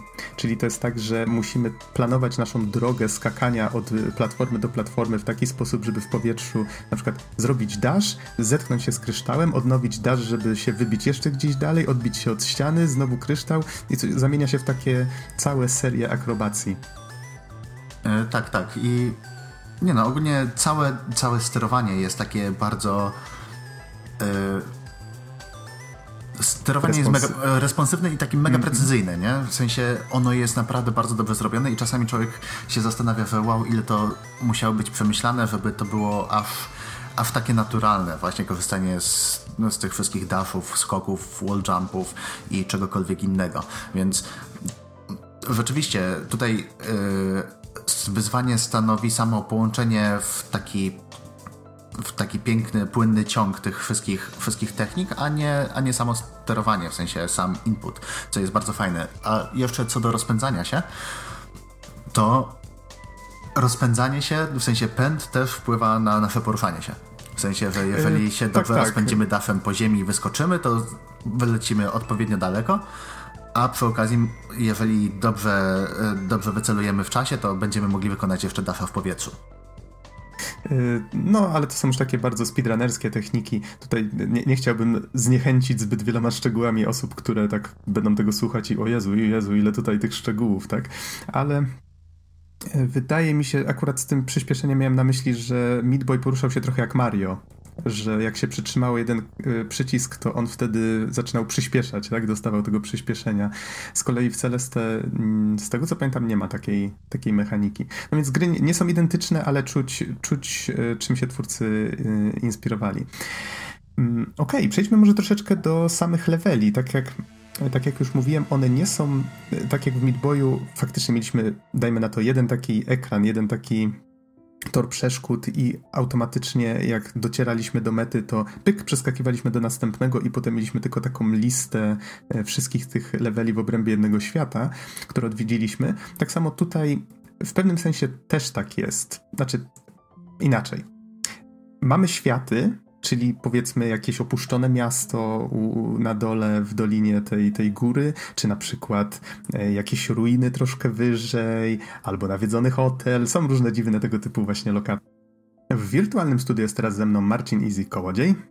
Hej, Już swobodnie, na zasadzie każdy ekran składa się tam w jakąś zagadkę, ale jakby kolejne te ekrany, one tworzą to, to miejsce, po którym, e, które eksplorujemy. Potem możemy z ekranu, z menu które mamy między misjami, wracać do miejsc, w których już byliśmy. To menu jest bardzo fajnie swoją drogą pomyślane i możemy jakieś tam dajmy na to, mamy takie punkty kluczowe w każdym levelu, więc możemy sobie się teleportować albo do środka, albo na początek, albo pod koniec.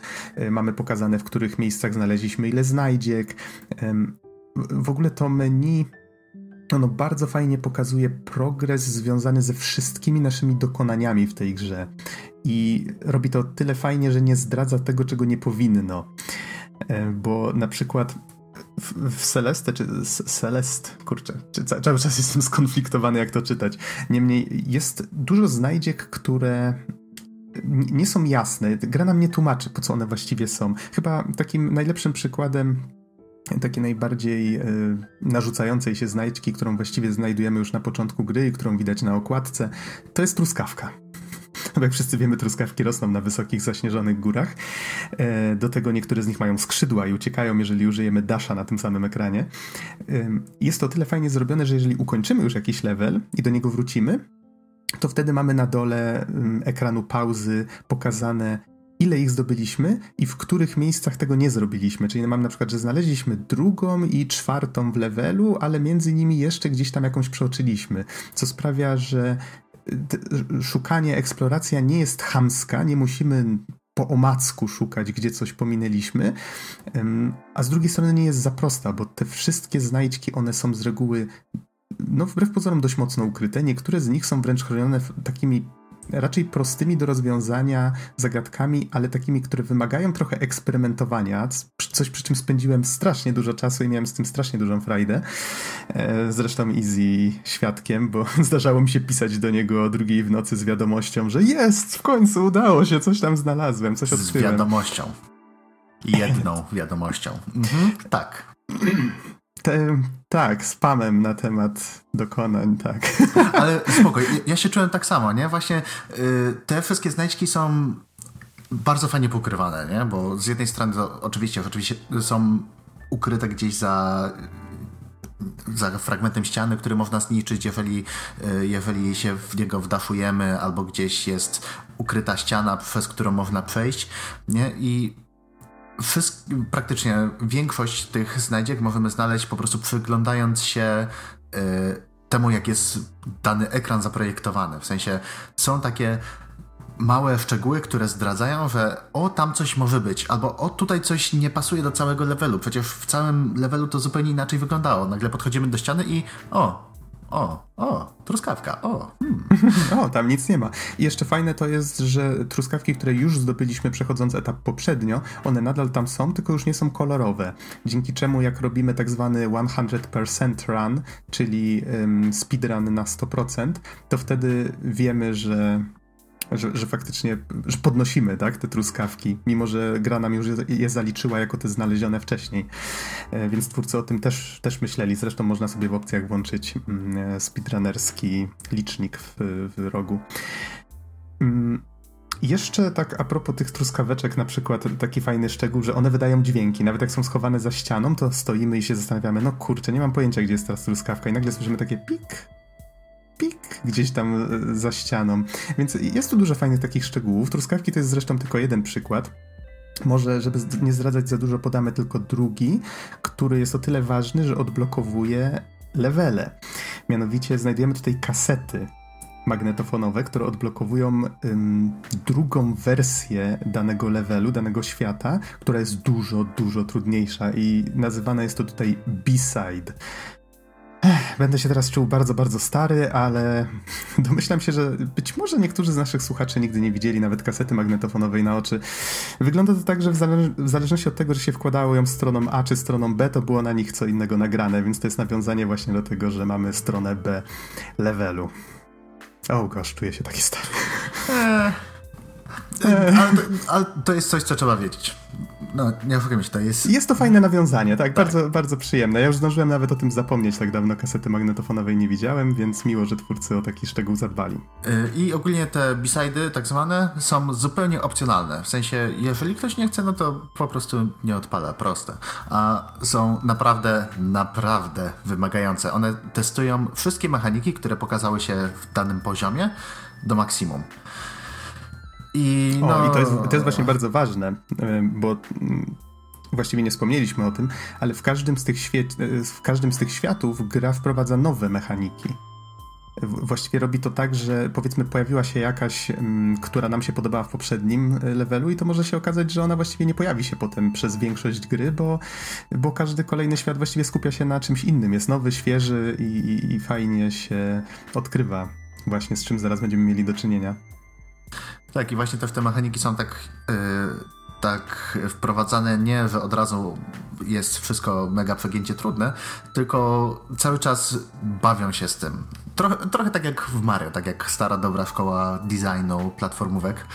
Nie, że na początku pokazują nam jakąś mechanikę, mówią, że ok, no to tutaj jest takie proste wyzwanie, gdzie jesteś bezpieczny, tutaj będzie trochę ciężej, a tutaj w ogóle odwrócimy tą mechanikę i okaże się, że to zmienia zupełnie jak podchodzimy do poziomu. Nie? Jest pod względem designu Celeste jest rewelacyjna. Mhm, tak, zgadza się. Jeszcze na sekundkę wrócę myślami tylko do tego menu między, między lokacjami, bo przypomniałem sobie o jednej rzeczy. Mm, mm, nie rozwinąłem jeszcze myśli a propos tego, że ono bardzo fajnie pokazuje progres tych, tych wszystkich naszych dokonań. Tam mamy i rekordy speedrunnerskie, i właśnie znajdźki, które znajdujemy, przy czym właśnie nie ma tam jakichś wolnych slotów na znajdźki, o których jeszcze nawet nie wiemy, więc to jest bardzo fajne, że w pewnym momencie coś odkrywamy, patrzymy potem sobie na to menu i hej, tu się pojawiło coś nowego, tak? I, i to jakby to się zaczyna robić z tego taka wielka zagadka i to mi się właśnie podobało. Muszę przyznać, że zaskakująco dobrze bawiłem się eksplorując tę grę, już jak ją przeszedłem. Ale to to może rozbudowany temat. Zresztą mieliśmy nagrywać te recenzje dużo wcześniej, ale uparłem się, że zrobię 100% w tej grze. W pewnym momencie po prostu się poddałem, jak się dowiedziałem, ile jeszcze różnych rzeczy tam jest poukrywanych. Na pewno do tego kiedyś jeszcze wrócę, ale możecie być pewni, że jeżeli tryb fabularny można skończyć dużo szybciej, mnie to zajęło około 10 godzin chyba, mm, co, coś, w tym, coś w tym guście, przy czym robiłem kilka b-side'ów wcześniej. E, z kolei w tej chwili mam już ponad 20 nastukane i końca na razie nie widać. A przynajmniej myślałem, że go widzę, ale ponoć go nie widać. Więc tak, tak. W pewnym momencie zwątpiłem, jak zacząłem tam, tam właśnie czytać na temat tego, co jeszcze być może się tam znajduje, bo nie chciałem się wczytywać w zbytnie szczegóły. Jeszcze planuję do tego kiedyś wrócić. Ale pro proponuję, żebyśmy do, do czegoś innego przeszli, mianowicie do tej przystępności, bo cały czas tutaj wracamy do tego, że to jest troszeczkę hardkorowe. Tutaj zacząłeś już ten temat, czyli że ta krzywa uczenia się jest bardzo fajnie zrobiona. To może powiedz trochę na temat assist mode'u, bo to jest ciekawe. Y, to jest y, w ogóle rewelacyjne rozwiązanie i świetnie to jest zakomunikowane, nie? Tak jak po prostu niektóre gry tak jakby pokazują nam, że łatwe poziomy trudności to jest coś, coś złego, nie? Na przykład taki Wolfenstein, gdzie wybierając łatwy to mamy twarz głównego bohatera w takim ze smoczkiem dziecięcym, co nie takie, że o, your baby, coś tam, coś tam. Jesteś cienias, że grasz na easy, wow, wow, wow. Dokładnie, to tutaj y, twórcy chcieli pokazać, że to nie jest złe. Jeżeli oni zaprojektowali grę, żeby była wymagająca, żeby była ciężka i żeby dzięki temu była taka wartościowa, nie? W sensie, że kończymy i czujemy po prostu dumę z siebie, że udało nam się pokonać nasze słabości. Ale jest coś takiego jak assist mode, gdzie możemy sobie odpalić i wtedy jest parę, parę akapitów właśnie odnośnie tego, że yy, twórcy po prostu tłumaczą. My projektowaliśmy to tak, ale jeżeli nasz projekt ma przeszkodzić ci w czerpaniu przyjemności z gry, albo nie wiem, albo potrzebujesz, żeby było trochę prościej, to proszę bardzo, tutaj będą wszystkie opcje, które potrzebujesz, żeby było prościej, żebyś mógł sobie dostosować całą rozgrywkę pod siebie, ale pamiętaj, że to nie jest nasz projekt, nie? W sensie, że jeżeli coś pozmieniasz, to nie, będzie, nie będziesz odczuwał tej gry doświadczał jej tak, jak my chcemy. I według znaczy, mnie... Po, polecam, napisali, że polecamy, żeby robić to jednak tak, ale macie tutaj menu, możecie robić co, z nim, co chcecie. Tak, i właśnie tam mamy coś takiego, że możemy sobie zmienić, możemy mieć więcej dafy, na przykład zamiast jednego możemy sobie wziąć trzy, albo nieskończoność. Możemy sobie spowolnić grę, tam chyba... Chyba, chyba trzy to akurat nie, ale jeden, dwa lub nieskończoność, tak? Coś takiego chyba było. No, to, to tak nawet y, nie, nie przyglądam dokładnie wartości, nie? To, to, to, już detal. Tak, oprócz tego możemy sobie spowolnić trochę grę, nie? Na przykład stwierdzić, że no rzeczywiście tutaj ten input wymagany jest zbyt szybki, to możemy ustawić, żeby było, nie wiem, 50%, żeby po prostu dwa razy wolniej czas leciał. I to jest... Istnieje nawet nies nieśmiertelność, tak. I to o. działa w ten sposób, że jak spadniemy w przepaść, to postać nagle zaczyna się odbijać od tej, od tej przepaści, tak jakby skakała no, na jakiś na jakiejś trampolinie czy na czymś. Wygląda to dość zabawnie. Y, ten assist mode można włączyć właściwie na dowolnym profilu, Trzeba się tylko liczyć z tym, że rekordy, które nabijecie, a gra oczywiście śledzi to wszystko, rekordy speedrunnerskie, które sobie nabijecie na, na swoim profilu, one też będą y, wtedy no cóż, będą wyjątkowo szybkie, tak? Bo da się wtedy przelecieć po prostu przez ten level, właściwie nie stając na ziemi. Y, znaczy, w zależności od tego, które z tych opcji sobie włączycie. Jeżeli assist mode'u w ogóle nie włączycie, no to wtedy w pause menu nie ma nawet menu z tymi opcjami. Tak więc, jeżeli czujecie, że gra jest dla was za trudna, możecie włączyć sobie Assist Mode, mając to menu, jeżeli stwierdzicie, że dane wyzwanie jest dla was za trudne, możecie po prostu je pominąć. Jeżeli uznacie, że dany level was denerwuje, możecie w ogóle przeskoczyć do samego końca gry od razu. Proszę bardzo. Twórcy aż tyle opcji dali. To jest właściwie takie menu debuggerskie, coś co jest bardzo dobrze znane wszystkim twórcom gier właściwie oddane graczom do zabawy. Dokładnie, nic ich to nie kosztowało, tylko po prostu oznaczyli to bardzo fajnie na zasadzie osobną opcją, plus do tego parę linijek tekstu o tym, że, że to nie jest tak, jakby oni chcieli, żebyście grali, ale dają taką możliwość, więc prześwietnie, nie? Z jednej strony mamy taką przystępność po prostu, bo każdy, kto chce, może spróbować swoich sił, nawet jeżeli, nie wiem, mamy kogoś w rodzinie dużo młodszego i chcemy mu dać, żeby się chwilę pobawił a, i żeby się nie frustrował, no to włączamy assist mode odpalamy wszystkie, po prostu wszystkie ułatwienia i proszę bardzo baw się. Albo też na przykład sami chcemy sobie wbić 100% i poszukać najpierw wszystkich znajdziek na assist mode, a potem je spróbować zdobyć na drugim profilu, gdzie gramy normalnie. Nie ma problemu. Y, Mhm. A z drugiej to... strony to gra jest y, bardzo hardkorowa momentami i rzeczywiście... Jeżeli chcecie, to tak. będzie, tak. Jeżeli chcecie, to będzie i właśnie ona została tak jakby zaprojektowana pod, pod speedrun. Tak, po prostu miałem takie, takie wrażenie, dlatego, bo yy, jak wchodzimy na jakiś ekran, to tak jakby zaczyna się pętla, w sensie tam jakieś przeszkadzajki, które sobie latają po mapie, zawsze zaczynają od tego samego momentu, w sensie w tym samym miejscu zaczynają, jeżeli tylko zaczynamy ekran od początku. Więc dzięki temu możemy tak jakby wyuczyć się takich takiej płynnej sekwencji ruchów, żeby skończyć dany ekran i jeżeli uda nam się wszystko po prostu pixel perfect zrobić, to czujemy się wow, ale to było świetne, czuję się jak speedrunner.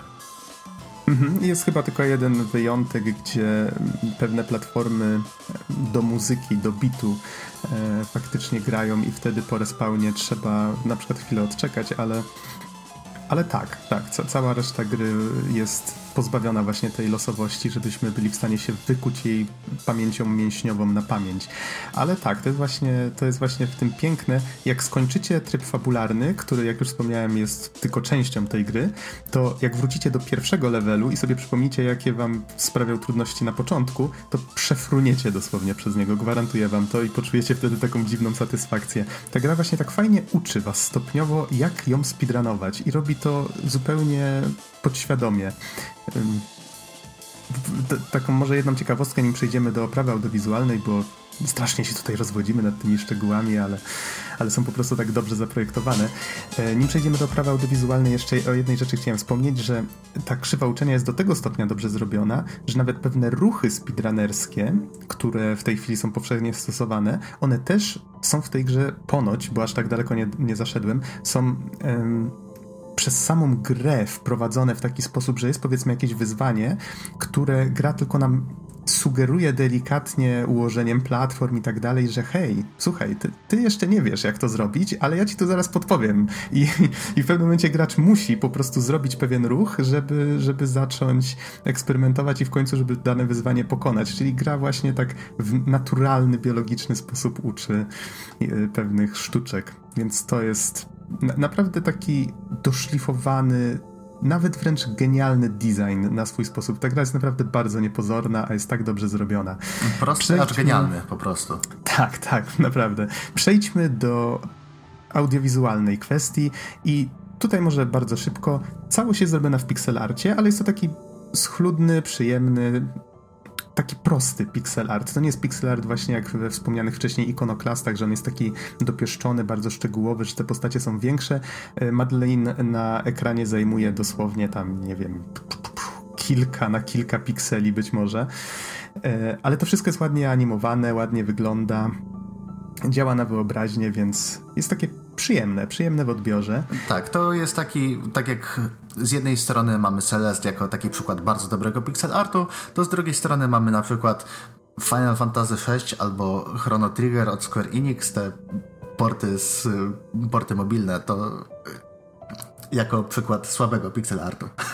U, a to akurat się nie wypowiem, bo, bo nie widziałem, ale one się jakoś różnią od oryginału? O, panie. O, Dobrze, to, to nawet nie będę Tak, to jest zupełnie na inną dyskusję, bądź co bądź. Y, Celeste jest bardzo spójna, nie? W sensie ten pixel art jest naprawdę ładny i jest dopasowany cały do siebie i widać, że to było po prostu robione z jakąś y, z jakąś myślą przewodnią i było robione tak, żeby było jak najbardziej schludnie. Mhm.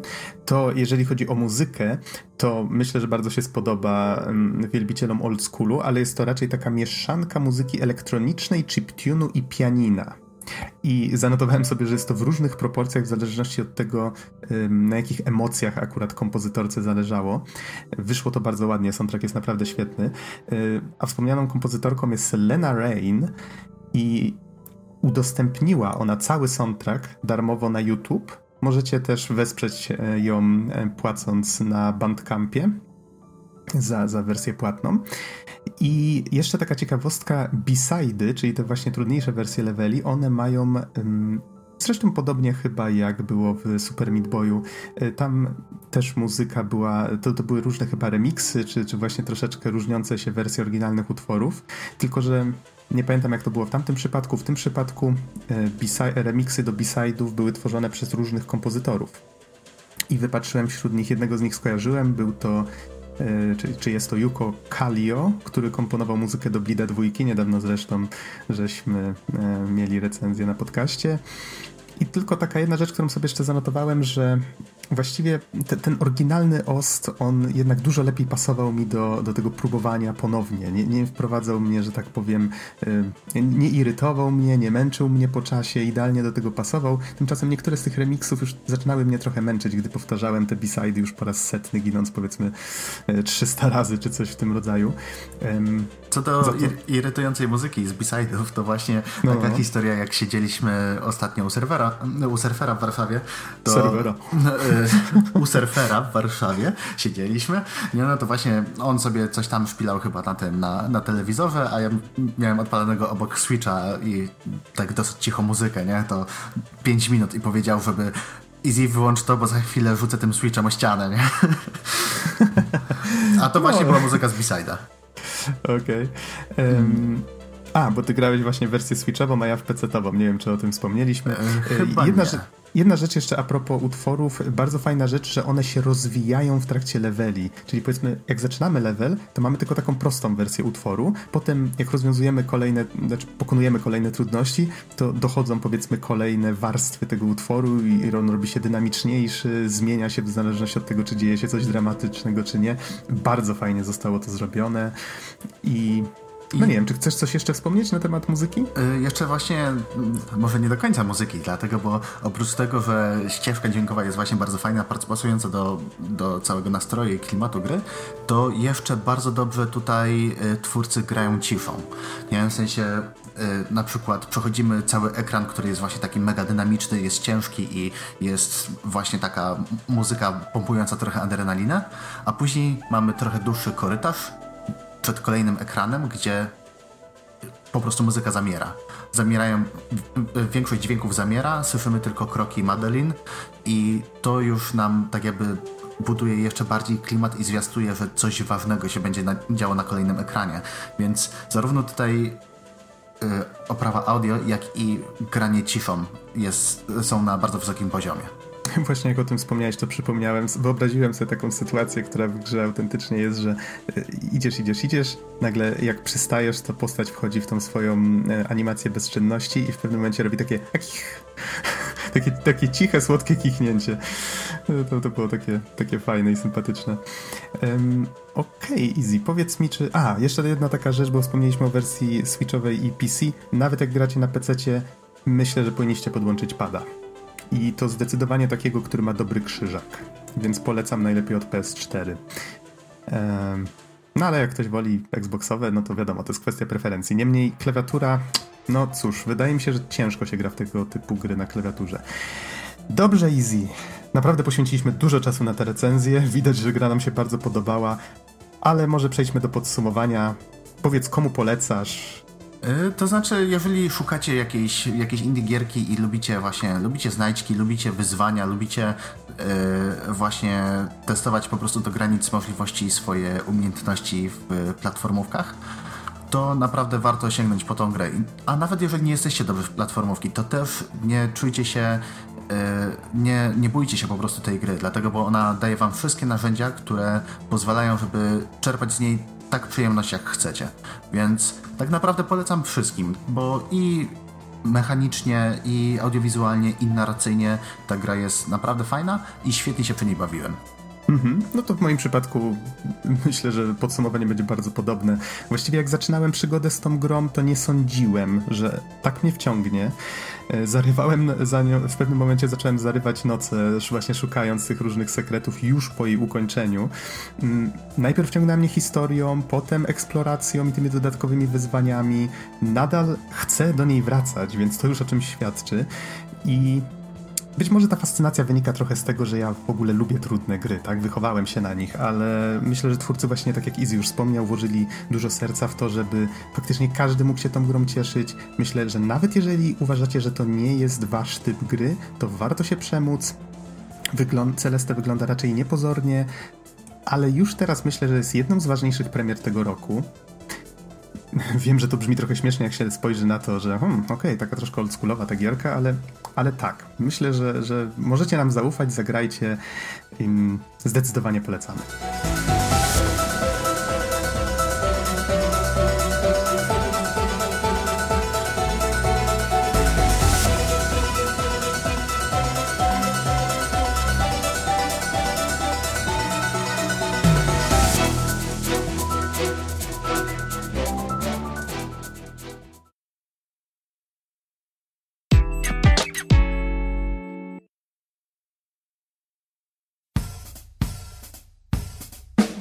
To już wszystko na dzisiaj. Dziękujemy Wam bardzo za uwagę i do usłyszenia w następnym odcinku. Trzymajcie się. Na razie. Cześć. Cześć, cześć. Hej.